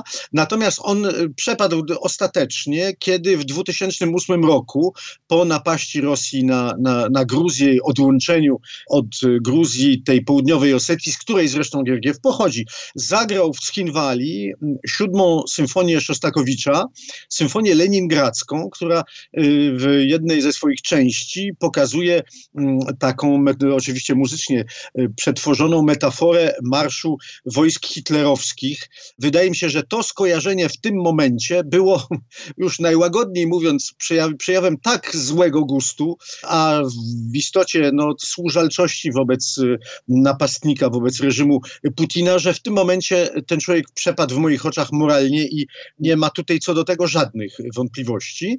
Ja uważam, że ponieważ nie zdobył się w tym momencie, w tym nowym kryzysie, na jakąkolwiek zmianę stanowiska i mm, utrzymał to milczenie które w jego wypadku y, no, koniecznie powinno było być złamane i zresztą dano mu okazję do tego, bo postawiono mu ultimatum i w Monachium i w Laskali. W tym momencie on po prostu się skreślił, no, y, nie, ma, nie ma co do niego wracać. Y, Co tu jest, jeśli tak się wyrażę, dość zabawne, to to, że całe mnóstwo instytucji światowych uzależniło się od niego nieledwie jak Niemcy od gazu rosyjskiego, bo on ma to do siebie, y, czy miał do tej pory, że zajmował wszystkie wyobrażalne stanowiska, jakie sobie można tylko wyobrazić. Na festiwalach dyrekcji różnych orkiestr był y, i jest pracocholikiem. Y, Przypomina, przypomina się taka sławna anegdota o Karajanie, który też miał swoje za uszami, ale już może do tego nie wracajmy. Jak Karajan rano wsiada do swojego prywatnego samolotu, pilot, pilot go pyta, "Mm, to gdzie lecimy maestro? A Karajan odpowiada, wszystko jedno, wszędzie mam coś do załatwienia. Więc Giergiew y, był znany z tego, że podejrzewano, że w ogóle ma brata bliźniaka, bo potrafi dyrygować w kilku miejscach naraz. I nagle parę festiwali znalazło się po prostu bez współpracownika, ponieważ mm, jeden za drugim wyrzucali go za drzwi. Y, I tutaj zresztą pojawia się jeszcze jeden bardzo atrakcyjny element, mianowicie niektóre z tych instytucji y, zmuszone nagle zostały do angażowania w zastępstwie, dużo wolnych miejsc nagle zrobiło, do angażowania w zastępstwie Giergiewa ludzi, których przedtem wyprosiło za, wyprosili za drzwi ze względu na inne przewinienia lub, lub e, istotne. Mm, Na przykład w, w, całej e, histerii, e, w tej panice moralnej otoczonej, którą nazwiemy pod symbolem em, mitu. E, Na przykład w Daniele Gatti, włoski dyrygent, którego oskarżono o różne tego typu wykroczenia, nagle wraca do łaski. Niektóre orkiestry go zaangażowały, no bo po prostu Giergiewa zabrakło, a za dużo go było wszędzie. Bardzo dobrze, że go nie ma. y, Ma nauczkę, ma swój teatr finansowany i wspierany przez mm, Putina w Petersburgu. Y, Może wreszcie zacznie pracować i studiować partytury, a nie dyrygować z pamięci. Piotrze, ty się odnosisz również do pewnego aspektu, który tutaj jest bardzo mocno widoczny. To znaczy te wszystkie wielce szacowne instytucje odwołują koncerty Rosjan, wyrzucają ich tam z różnych orkiestr, ale kim jest Putin wiadomo było od zawsze i kim jest Giergiew było wiadomo od zawsze, prawda? Oczywiście, że tak. Oczywiście, że tu mamy właśnie taką nagłe, nagłe nagle maski wszystkie pospadały i jest ta moralna panika, ale jeśli pozwolisz, to ja jeszcze dołożę tutaj parę nazwisk w tej pierwszej, pierwszej kolumnie, że tak powiem. Ostatnio wypowiadał się w telewizji rosyjskiej Borys Berezowski, skądinąd bardzo wybitny pianista. Nagadał tam rzeczy tak obrzydliwych, których po- potem próbowało się z, z tego zresztą wykręcać w sposób równie odrażający, gdyż jak wiadomo nie ma, jest tylko jedna rzecz gorsza od gafy, to jest poprawianie gafy. Y, Wyleciał od swojego agenta, y, anulowano z nim mm, kontrakty. Denis Macujew, drugi pianista, taki raczej trochę y, wy- wyrobnik, też walący siekierą w fortepian, ścisły współpracownik Gerdiewa zresztą, mm, również wyleciał z, z całego mnóstwa mm, angażów. No i był przypadek już zupełnie zdumiewający. Dyrygenta dyrygenta trzeciej kategorii, pan Michał Chochłow, który w Instytucie Gniezina, to jest taki, taki duże, sławne zresztą konserwatorium, nagle wystąpił, zaczął dyrygować piątą symfonią Beethovena z wielkim Z e, na piersi. E, Zresztą bardzo źle dyrygował, więc z, tym, z nim na szczęście przypadkiem nie będzie problemu. Natomiast już Anna Netrebko stanowi trochę szczególny przypadek, ponieważ y, ona, kiedy mówi, że nic z tego nie rozumie, to myślę, że należy jej w to uwierzyć. I ona nie wypowiadała się w ogóle na temat tej wojny. Wtedy zrobiła głupstwo z tą fl- flagą, to zresztą był zupełny idiotyzm i zresztą przepraszała za to, wykręcała się, tłumaczyła. W tej chwili po prostu spakowała walizkę i wyniosła się z całego tego y, towarzystwa, mm, ze scen, y, ponieważ nawet nie, sta- nie przypominam już nawet, czy jej stawiano jakieś warunki, ale która uznała, że sprawa jest w tej chwili tak y, y, nie, nie, niewygodna, że lepiej się będzie z tego wycofać dobrowolnie, zanim nas zaczną wyrzucać. Ale tu pojawia się jakby druga rubryka, y, mianowicie ci, którzy zajmują stanowiska. To oczywiście obejmuje także Giergiewa, ale nie tylko jego. I tutaj mamy przypadek bardzo charakterystyczny, y, którym jest Turan Sochijew, który był dyrygentem od wielu, wielu lat, dyrektorem y, opery i orkiestry Kapitolu w Toulouse. Jest to bardzo dobry dyrygent, który w międzyczasie gdzieś tam po drodze, kiedy otworzono odremontowany Balszoj w Moskwie, został również dyrektorem Wielkiego Teatru w Moskwie. Jest to protegowany Giergiewa, który zanim go wyrzucono, tam postawiono, merostwo mu postawiło w Toulouse pewne warunki, ale to jakby była mniej, mniej widowiskowe, bo i sława nie ta, i te pieniądze nie te. I żeby się wycofać w ogóle z życia muzycznego, Sochijew e, odszedł i z Bolszowo, i z, z, i z Tuluzy i napisał taki liścik, no, który niestety ocieka hipokryzją i to jest wszystko takie właśnie to, co o czym mówiłeś, no, że my tu robimy w, w sztuce, wisimy sobie na naszej chmurce gdzieś tam w górze i te sprawy przyziemne śmiertelników nas y, nic nie obchodzą, my jesteśmy ponadto. Ta postawa znana jest, zresztą była znana i za nazizmu, i za komunizmu, ale w tym wypadku, kiedy jest otwarta, krwawa wojna, no nie wydaje mi się, żeby w, w kraju, który w końcu opowiedział w- się w sposób jednoznaczny y, po jednej ze stron, y, mógł występować człowiek tak głęboko związany ze stolicą państwa mm, agresora. I bardzo dobrze się wycofał. Zobaczymy, co z tego dalej wyniknie. Zresztą w ogóle nie wiemy przecież, co z tego wyniknie. A znaleźli się ludzie, którzy się zachowali porządnie, mm, jak dwaj panowie Pietrenko, którzy nie mają zresztą ze sobą nic wspólnego. Wasyl Pietrenko, który jest w tej chwili dyrektorem Royal Philharmonic, zawiesił współpracę z Państwową Orkiestrą Symfoniczną Federacji Rosyjskiej imienia Eugeniusza Świetłanowa e, do czasu przywrócenia pokoju, a Kirill Pietrenko, którego ojciec zresztą urodził się w Lwowie, potępił ten nóż w plecy całej ludzkości i został dyrektorem nadal, którym jest od, od paru lat y, w Filharmonii Berlińskiej. Nie było z tym, nie miał z tym ani moralnego, ani zawodowego problemu. Y, Natomiast pojawia się tutaj trzecia kategoria, i tu moje, zanim wrócimy do, do Czajkowskiego i Dostojewskiego, bo to jest jakby inny temat, mm, mianowicie y, artyści, um, że tak powiem, objazdowi, y, którzy nie tacy, którzy trzymają jakieś instytucje, co, czymś kierują, pianiści, skrzypkowie, choćby dyrygenci gościnni i tak dalej, i tak którzy się nie wypowiadają. Y, I tu jest jakby kwestia, starsi i młodsi zresztą, przy czym oczywiście tych, z tymi najmłodszymi mm, jest może najbardziej przykra sytuacja. Bo ci, którzy mają y, ustaloną już od wielu lat y, karierę, na pewno dadzą sobie radę i nie pójdą na, na. Natomiast młodzi ludzie, którzy dopiero zaczynają te kariery, no tu ja wypowiem się w sposób może subiektywny, ale wydaje mi się, że to ma jedyny sens. To, że się ich zwalnia albo zmusza do wygłaszania jakichś opinii, wydaje mi się po prostu bardzo kiepską polityką. Y, Nie tak to moim zdaniem należy robić. Ja bym y, na miejscu agencji i y, instytucji koncertowych zrobił coś wręcz przeciwnego. To znaczy bardzo masowo i bardzo gwałtownie ich wszędzie zapraszał. Zapraszał ich, dawał im wygodne pokoje hotelowe z licznymi programami telewizyjnymi z napisami rosyjskimi, żeby potem wrócili do domu i opowiedzieli to, co widzieli tutaj. I żeby y, zamiast być, y, hmm, jakby to powiedzieć, y, piątą kolumną Putina na Zachodzie, stali się naszą piątą kolumną w Rosji. Co więcej, jednym z elementów propagandy Putina jest szerzenie poglądu, że Zachód Rosji Rosji nienawidzi, Zachód chce Rosję wymagać i wy, wymazać i wykreślić, że prześladuje rosyjską kulturę i rosyjski, rosyjskich artystów. Dlaczego pracujemy na to, żeby Putin, na, żeby Putin mówił prawdę? My powinniśmy pracować na to, żeby wyszło, że Putin kłamie, że my wcale tych artystów rosyjskich nie wymazujemy, nie wyrzucamy. No tutaj można oczywiście zadać pytanie, czy to w ogóle ma jakiekolwiek znaczenie, co my mówimy i czy Putin sprawdza, co my mówimy, aby, Oczywiście. aby Tak, nie, nie. sobie przygotowywać przemówienia.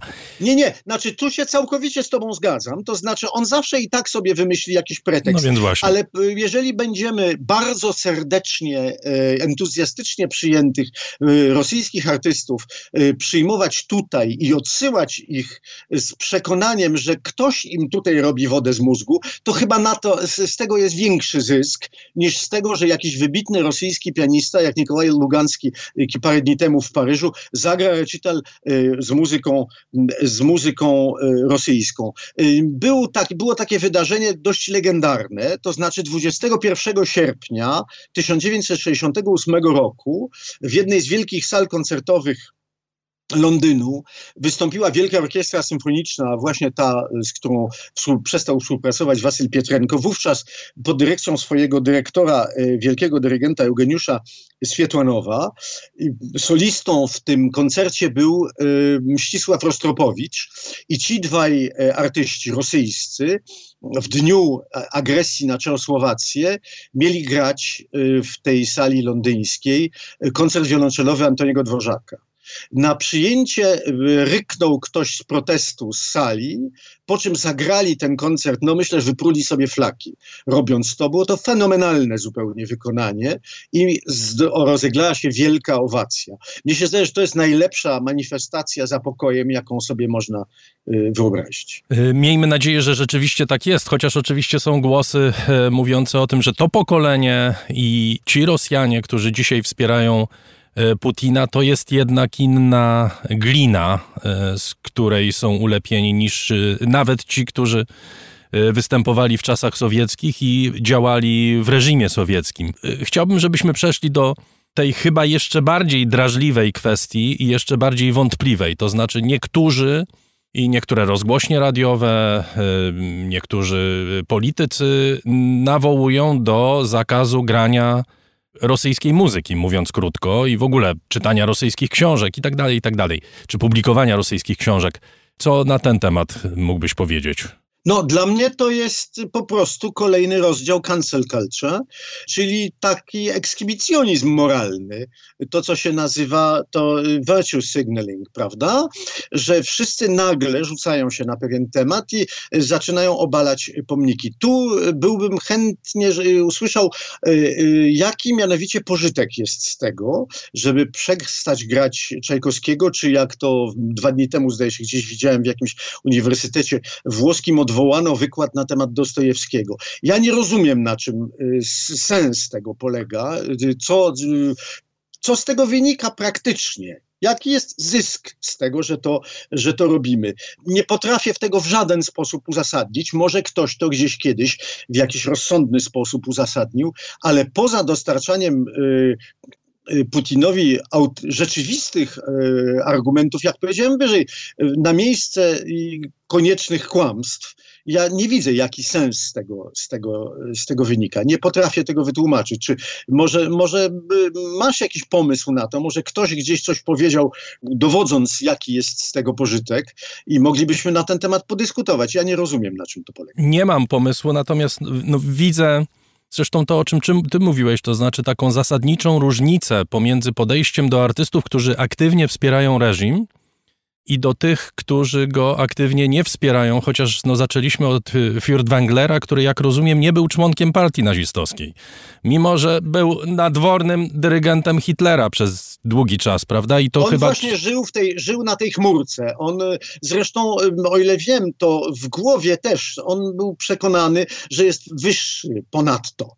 Miał takie poczucie wielkości i wieczności. Thomas Mann wy, wyemigrował, Marlena Dietrich zdobyła się na to, żeby się wynieść z Niemiec w tym strasznym czasie, a on się uważał za arcykapłana wielkiej sztuki niemieckiej, który po prostu, nie, którego to, ten cały brud nie, nie, nie dotyka. Ale to był naprawdę jedyny w swoim, w swoim wymiarze przypadek. W związku z tym y, nie sądzę, żeby można było z tego czerpać jakiś wniosek, jakiś przykład. Chyba bardziej powinniśmy patrzeć, nie wiem, w- zadawać sobie takie pytania, czy my mamy skancelować Ezra Pounda za to, że robił audycje propagandowe dla Mussoliniego? Co mamy zrobić z całą tą rzeszą artystów na Zachodzie, którzy wspierali sowiecki reżim od Sartra we Francji poprzez Aha. całą ekipę w Stanach Zjednoczonych i tak dalej. Nie każdy miał charakter i determinację Kamisa, żeby się temu oprzeć, czy Orwella. Mhm, mhm. Co zrobić z nimi? Nic. Nic. Ja uważam, że jeśli chodzi o zmarłych, wszystkich, bo z żywymi można się zawsze jakoś dogadać i przede wszystkim e, to, co ja próbowałem sugerować... Albo zakazać im występów. No Furtwängler, ja rozumiem, że Furtwängler na sam koniec chyba też mu odmówili, chyba w Chicago, tak? Króciutko to się, tak, i z Karajanem, Karajan miał znacznie dłuższe, z dłuższe problemy, zanim go przyjęto w, y, w Stanach Zjednoczonych, że już o Wagnerze w Izraelu nie wspomnę, bo to w ogóle jest zupełnie, zupełnie inny przypadek. Ja uważam, że zmarli już zostali osądzeni y, przez sąd znacznie bardziej kompetentny w tych sprawach niż my, y, śmiertelnicy, że do tego wracać nie ma żadnego powodu, ale przecież jesteśmy, żyjemy w epoce, ja nie potrafię oddzielić tego od tamtego, kiedy obala się pomniki ludzi sprzed 100, sprzed 200, sprzed 300 lat i nagle robi się procesy Kolumba, ponieważ w swoim XV wieku zachowywał się nie tak, jak należało. Uważam, że to jest pycha jakaś zupełnie moralna, nie, nie, zupełnie niesłychana i ona też do, do niczego nie służy. Jak powiadam, ci ludzie już zostali osądzeni. Niech się nimi zajmie, zajmą zaświaty, jakkolwiek je sobie wyobrażamy. My mamy sprawy tu do załatwienia, praktyczne. Yy, I to, co jak powiedziałem, że yy, ludzie, ludzie z ludźmi żywymi można dyskutować i można ich przekonać. Ludzie zmieniają zdanie. Ludzie podejmują dramatyczne decyzje. W, w końcu mówimy o ludziach, gdzie, w których kraju, w ojczyźnie dzieją się w tej chwili rzeczy y, przerażające.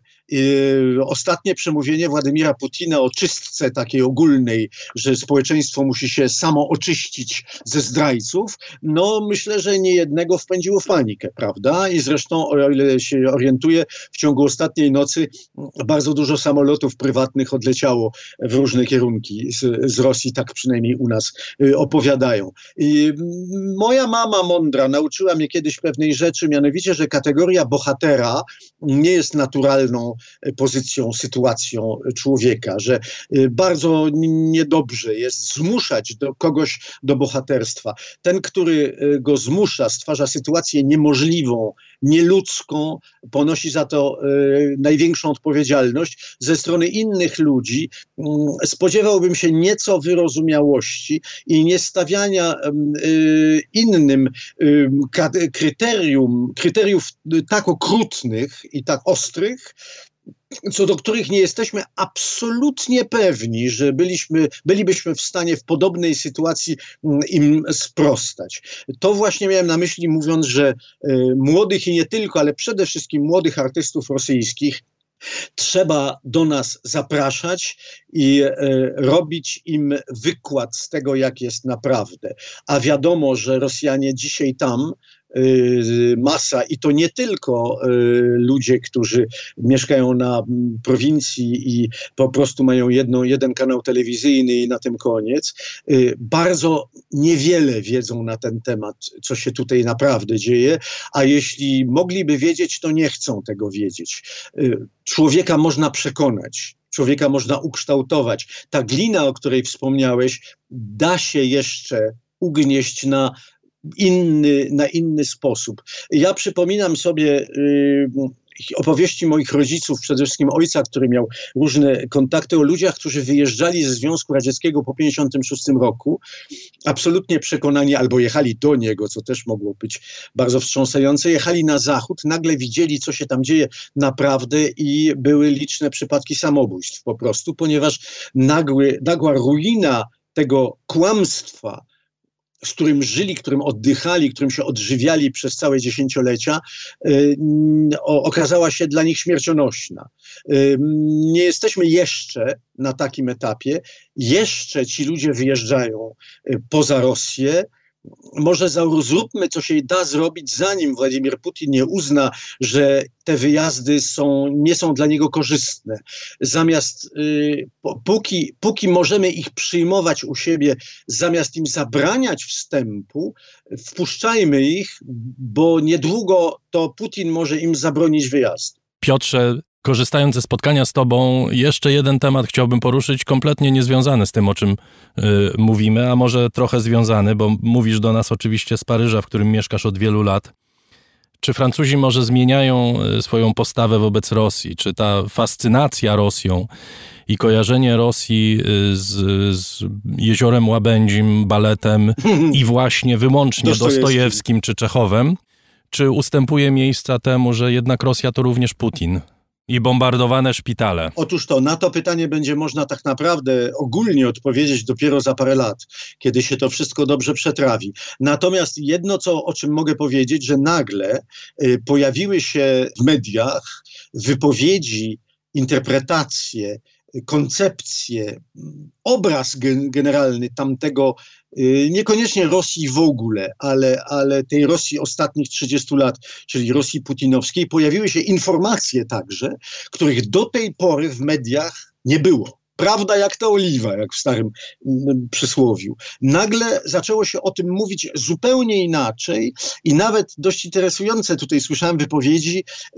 reporterów, którzy byli w Donbasie i którzy y, oglądali to z bliska od, od tych kilkunastu lat i którzy mówili, że oni donosili przecież, co się tam tak naprawdę dzieje. Tylko, że yy, Nikt ich nie chciał słuchać. albo nikt ich nie chciał słuchać, albo wręcz poprawiano im korespondencję. Zmieniano treść ich korespondencji stamtąd. Pewne informacje były oczywiście nie do strawienia, nie do przyjęcia dla, y, dla redakcji i y, zmieniano je. Przy czym rzecz bardzo interesująca. We Francji w końcu y, piszą ludzie bardzo mądrzy, którzy na temat Rosji dużo wiedzą. Znasz ich świetnie. Alain Besançon był jednym z najmądrzejszych, y, żyje jeszcze, ale dobiega dziewięćdziesiątki, więc już jest mało aktywny. Y, najmądrzejszych ludzi, którzy pisali o Związku Radzieckim i o historii Rosji. Ma wspaniałą spadkobierczynię, którą jest Françoise Tom, wybitna znawczyni tego tematu, która zresztą na początku lutego ukazała się jej znakomita książka, która się nazywa, nazywa Marsz Wstecz o ostatnich dziejach Rosji i Rosji putinowskiej, bo to w końcu minęło 30 lat, prawda? To już jest kawał czasu. I te książki no, są po francusku, podobnie jak Custine czy, czy, czy, czy historie mm, Rosji napisane przez bardzo mądrych Francuzów jak Anatole Leroy-Beaulieu, tylko że jakoś nikt ich nie czyta i mitologia kwitnie nadal. Kłamstwo wciąż krąży.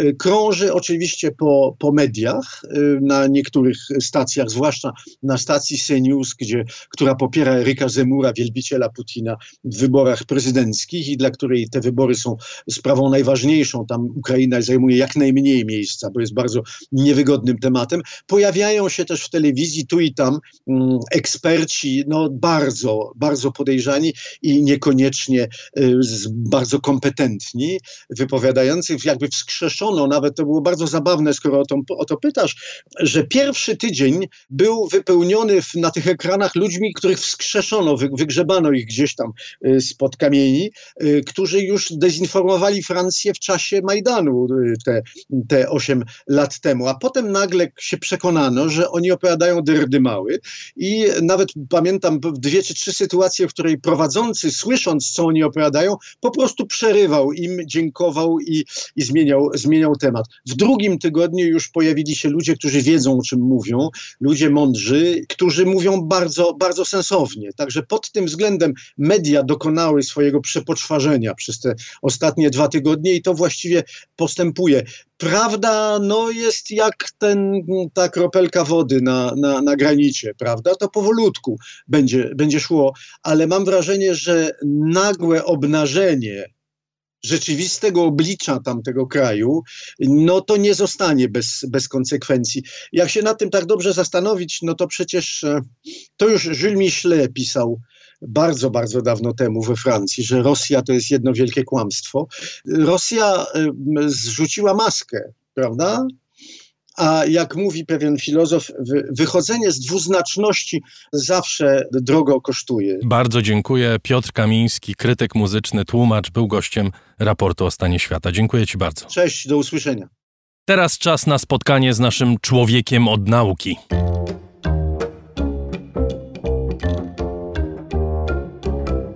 Rożek Urosiaka w raporcie.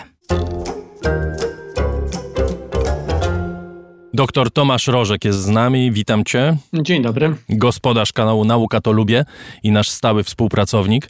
Zawahałem się trochę, jak mówiłem, człowiekiem od nauki, bo y, wiemy, że nauka różnym celom służy, nie tylko dobrym, zwłaszcza w tej chwili dowiadujemy się, że nie tylko dobrym może służyć. Wiemy, jak bardzo okrutne potrafią y, być wynalazki naukowe. Od pewnego czasu Rosja ostrzega, że Ukraina może użyć broni chemicznej w tej wojnie, co nauczone doświadczeniem służby wywiadowcze Ukrainy czy Stanów Zjednoczonych interpretują jako groźbę właśnie użycia broni chemicznej bądź biologicznej y, przez Rosję. Brzmi to bardzo złowieszczą, bo mamy przed oczami obrazy y, ofiar I wojny światowej, gdy używano broni chemicznej ze strasznym skutkiem. Później wielokrotnie to się powtarzało. Współcześnie Saddam Hussein gazując Kurdów w latach 80. XX wieku, czy ostatnio Assad z pomocą Rosjan mordując swoich rodaków w Syrii. I chciałbym o tej broni e, chemicznej z Tobą, e, Tomku, porozmawiać. To jest e, chyba tak jak każda niekonwencjonalna broń, bu- budzi ogromny strach, budzi przerażenie. I pytanie, czy to nie jest główna e, zaleta z punktu widzenia ludzi, którzy używają tej broni, czy to nie jest główna jej zaleta, to znaczy sianie paniki. Tak, to jest jej główna zaleta, chociaż słowo zaleta tutaj wyjątkowo złowieszczo brzmi. E, nie, tylko, nie tylko o broni chemicznej w ostatnich dniach e, coraz częściej słychać, czy było słychać z ust bardzo wysoko postawionych funkcjonariuszy, polityków, ale także wojskowych rosyjskich, ale także o broni biologicznej. E, kilka dni temu em, jeden chyba z najbliższych współpracowników Władimira Putina, minister spraw zagranicznych Ławrow, w jednym z wywiadów e, zaczął wyliczać i wspominał, czy wspomniał, że Amerykanie mają na całym świecie setki laboratoriów, w których pracują nad bronią biologiczną. A w kontekście Ukrainy powiedział, że na terenie Ukrainy takich laboratoriów jest 30. I użył tam takiego stwierdzenia, że ta broń, nad którą Amerykanie pracują na terenie Ukrainy, jest śmiertelnym zagrożeniem dla ludzkości. Wspominał o tym także Nikołaj Patruszew, główny doradca do spraw bezpieczeństwa prezydenta, i można by jeszcze kilku, przynajmniej naprawdę wysoko postawionych e, ludzi z tamtej strony e, tutaj wymienić. No można, tylko że to wszystko to są e, wymysły Rosjan i operacja dezinformacyjna, prawda? Tak, no i teraz jest pytanie, czemu to służy? No bo chyba trzeba być wyjątkowo naiwnym, żeby pomyśleć, że tak naraz na 3-4 im wszystkim się to tak wymsknęło, tak przez przypadek, nie wiedzieli co powiedzieć, więc palnęli bronią chemiczną czy biologiczną. Jest w tym coś ja widzę w tym kopię dokładnie tego, zresztą ty o tym wspomniałeś we, we wstępie do naszej rozmowy, tego co działo się w Syrii, czyli tego, że w pewnym momencie em, reżim stwierdził, że ma informację, że em, rebelianci, że partyzanci chcą użyć broni chemicznej po to, żeby zwalić em, skutki efekty jej działania, no właśnie na reżim, po to, żeby ten reżim był jeszcze bardziej znienawidzony przez świat zewnętrzny. Mam nadzieję, że to się nie wydarzy. Mam nadzieję, że z bronią chemiczną i biologiczną jest troszeczkę tak, jak z bronią jądrową na samym początku konfliktu em, ukraińsko-rosyjskiego czy rosyjsko-ukraińskiego, gdzie e, pojawiały się sugestie, że może użyć broni, e, pojawiały się w kontekście także Czarnobyla, e, innych elektrowni, co w ogóle do siebie nie pasuje tak od strony merytorycznej, bo elektrownia nie wybucha jak jak głowica jądrowa, a głównym celem tego było straszenie. Straszenie nie tylko samych Ukraińców, ale także, y, co jest trochę irracjonalne, straszenie y, świata zachodniego, społeczeństw zachodnich, a więc i przywódców świata zachodniego. A dlaczego mówisz, że celem jest wyłącznie straszenie? To znaczy, no zakładam, że jeżeli Rosjanie chcieliby użyć tej broni, no to również byłyby ofiary. Czy użycie takiej broni w sposób kontrolowany jest proste? Użycie takiej broni w sposób kontrolowany jest niemożliwe. E, Mówię tutaj o broni chemicznej i o broni biologicznej. E, Oczywiście, żeby były ofiary, natomiast te ofiary są także teraz. Tych ofiar niekoniecznie musiałoby być więcej, dlatego że broń chemiczna z punktu widzenia, no właśnie, tak na chłodno, skuteczności jest wyjątkowo trudna do zastosowania. Jej skuteczność, jej efekty zależą od wielu czynników. Te czynniki są zupełnie poza kontrolą. Te czynniki to jest także temperatura, to jest e, prędkość i kierunek wiatru, e, to jest cała masa różnych rzeczy, które e, zresztą zmieniają się bardzo szybko lokalnie. E, Tu nie chodzi o ten wiatr, który e, prognoza pogody podaje, e, tylko tu chodzi na przykład o takie wiatry lokalne wynikające z ukształtowania terenu. To jest nie do przewidzenia. Po to, żeby na dużym obszarze rozsiać gaz czy rozsiać em, jakieś patogeny, potrzeba by naprawdę wielu, wielu ładunków. Ten przypadek syryjski, on to pokazuje. Tam wtedy zrzucono e, bomby na e, niewielkie miasteczko, e, na tylko jedną jego część i po to, żeby ten efekt śmiertelności wywołać, trzeba było niemalże zrobić nalot dywanowy, gdzie na stosunkowo niewielkim obszarze zrzucono kilkanaście ładunków i oczywiście tam były ofiary śmiertelne, ale to nie jest tak, że jeden ładunek, jedna gło- głowica nagle powoduje, że e, całe miasto e, jest e, pod zagrożeniem. Jeżeli mówimy, Tomku, o broni chemicznej i broni biologicznej, czym one się od siebie różnią i czym różni się ich działanie? No w największym skrócie broń chemiczna to gazy bojowe. To gazy, które e, no nie mają z biologią nic wspólnego, tylko z chemią. Tutaj jest wiele różnych kategorii. Tutaj nie chcę jakoś za bardzo straszyć, więc e, może pominę skutki czy jakiś opis tych skutków. No ale są na przykład takie gazy jak chociażby chlor czy fosgen, które są środkami e, takimi duszącymi. Po prostu powodują, że przestają działać płuca. Są takie jak na przykład cyklon B, czy cyjanowodór i to jest osobna grupa, e, one nie powodują oparzenia płuc, tylko one powodują, że cząsteczka hemoglobiny zostaje zablokowana w tym miejscu, w którym doklejał się do niej tlen. W efekcie płuca dobrze działają, a człowiek i tak się dusi.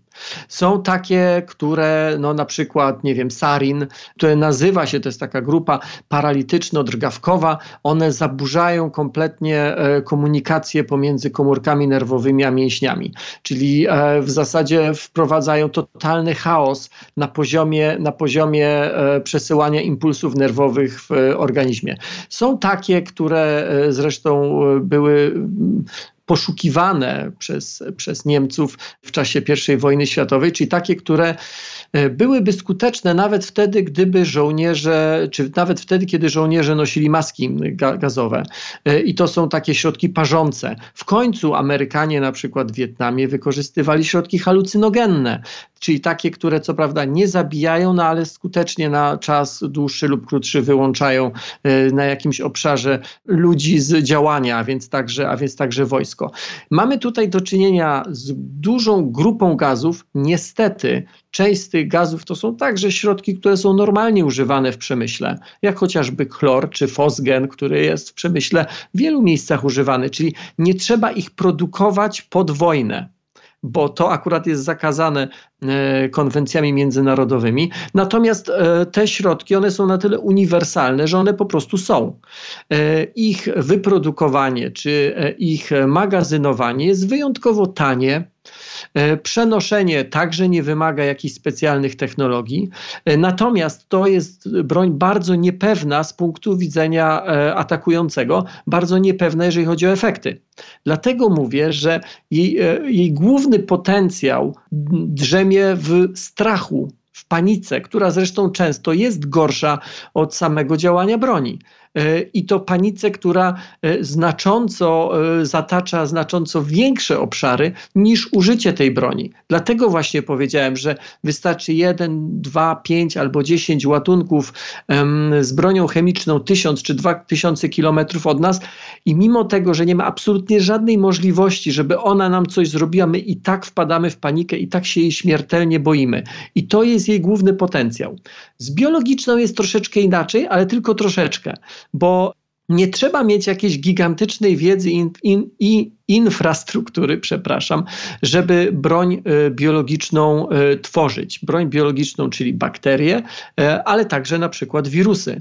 Zresztą przeważającą większość patogenów normalnie można zamówić, można dostać niemalże przesyłką kurierską do laboratorium.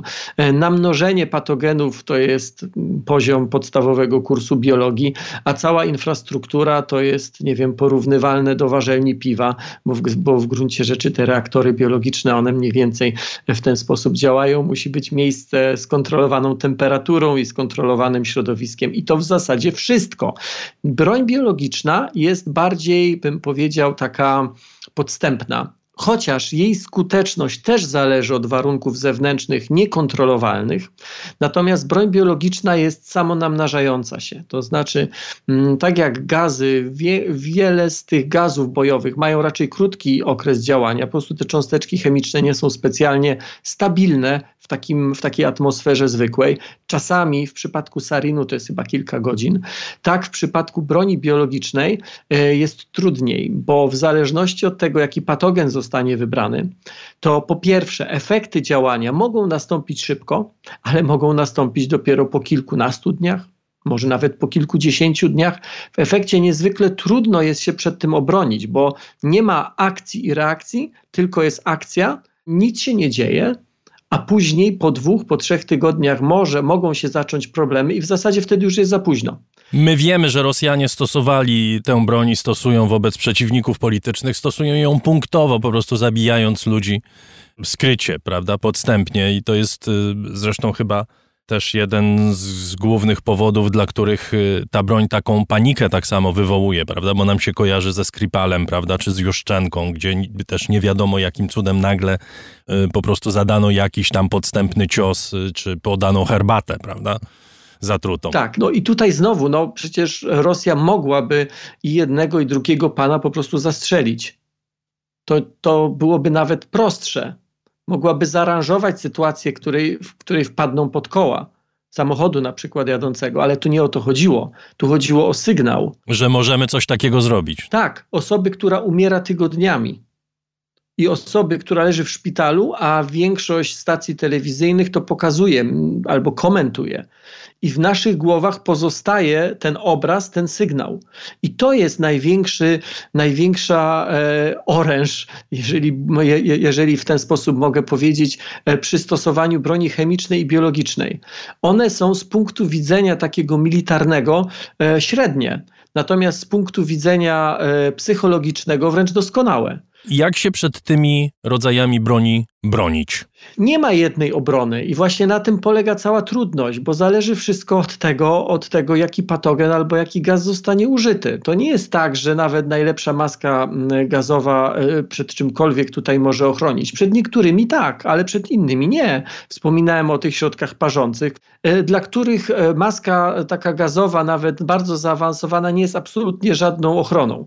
Jeżeli chodzi o patogeny, Podobnie, no, można sobie wyobrazić, i były takie testowane patogeny, które nie działały w ogóle na człowieka, ale na przykład działały na zwierzęta i działały na plony. W efekcie na jakimś terenie ludzie umierali z głodu. Powiedzmy, ten aspekt w kontekście Ukrainy jest bardzo, bardzo mało prawdopodobny, ale, ale to jest możliwe są takie, które e, docierają e, drogą oddechową, są takie, które docierają przez skórę, przez wodę, więc e, przed tym nie da się obronić w ten sposób, jak się broni przed jakimś konkretnym jednym zagrożeniem bo tutaj tych, te zagrożenia mogą przyjść wieloma, wieloma drogami. Natomiast jeszcze raz podkreślam, bo chcę to podkreślić, bo to jest ważne. To jest broń, która, której działanie jest bardzo ograniczone, jeżeli chodzi o obszar. Nie ma absolutnie możliwości, w której jedna miejscowość czy zbombardowanie jednej miejscowości oznacza zagrożenie dla innej, nie ma możliwości, żeby Polska była w ten sposób zagrożona, gdyby nawet, oby nie, nie daj Bóg, ale nawet gdyby ta broń została zastosowana gdzieś na Ukrainie, to ona ma bardzo mały obszar tego działania bezpośredniego. Natomiast ma ogromny obszar tego działania psychologicznego, w zasadzie nieograniczony. I to jest jej, jej główny atut. I po to, żebyśmy byli przygotowani również na to działanie psychologiczne, rozmawiamy o tego rodzaju broni. Dziękuję Ci bardzo. Dr Tomasz Rożek, gospodarz kanału Nauka to Lubię, był gościem raportu o stanie świata. Dziękuję Tomku. Bardzo dziękuję.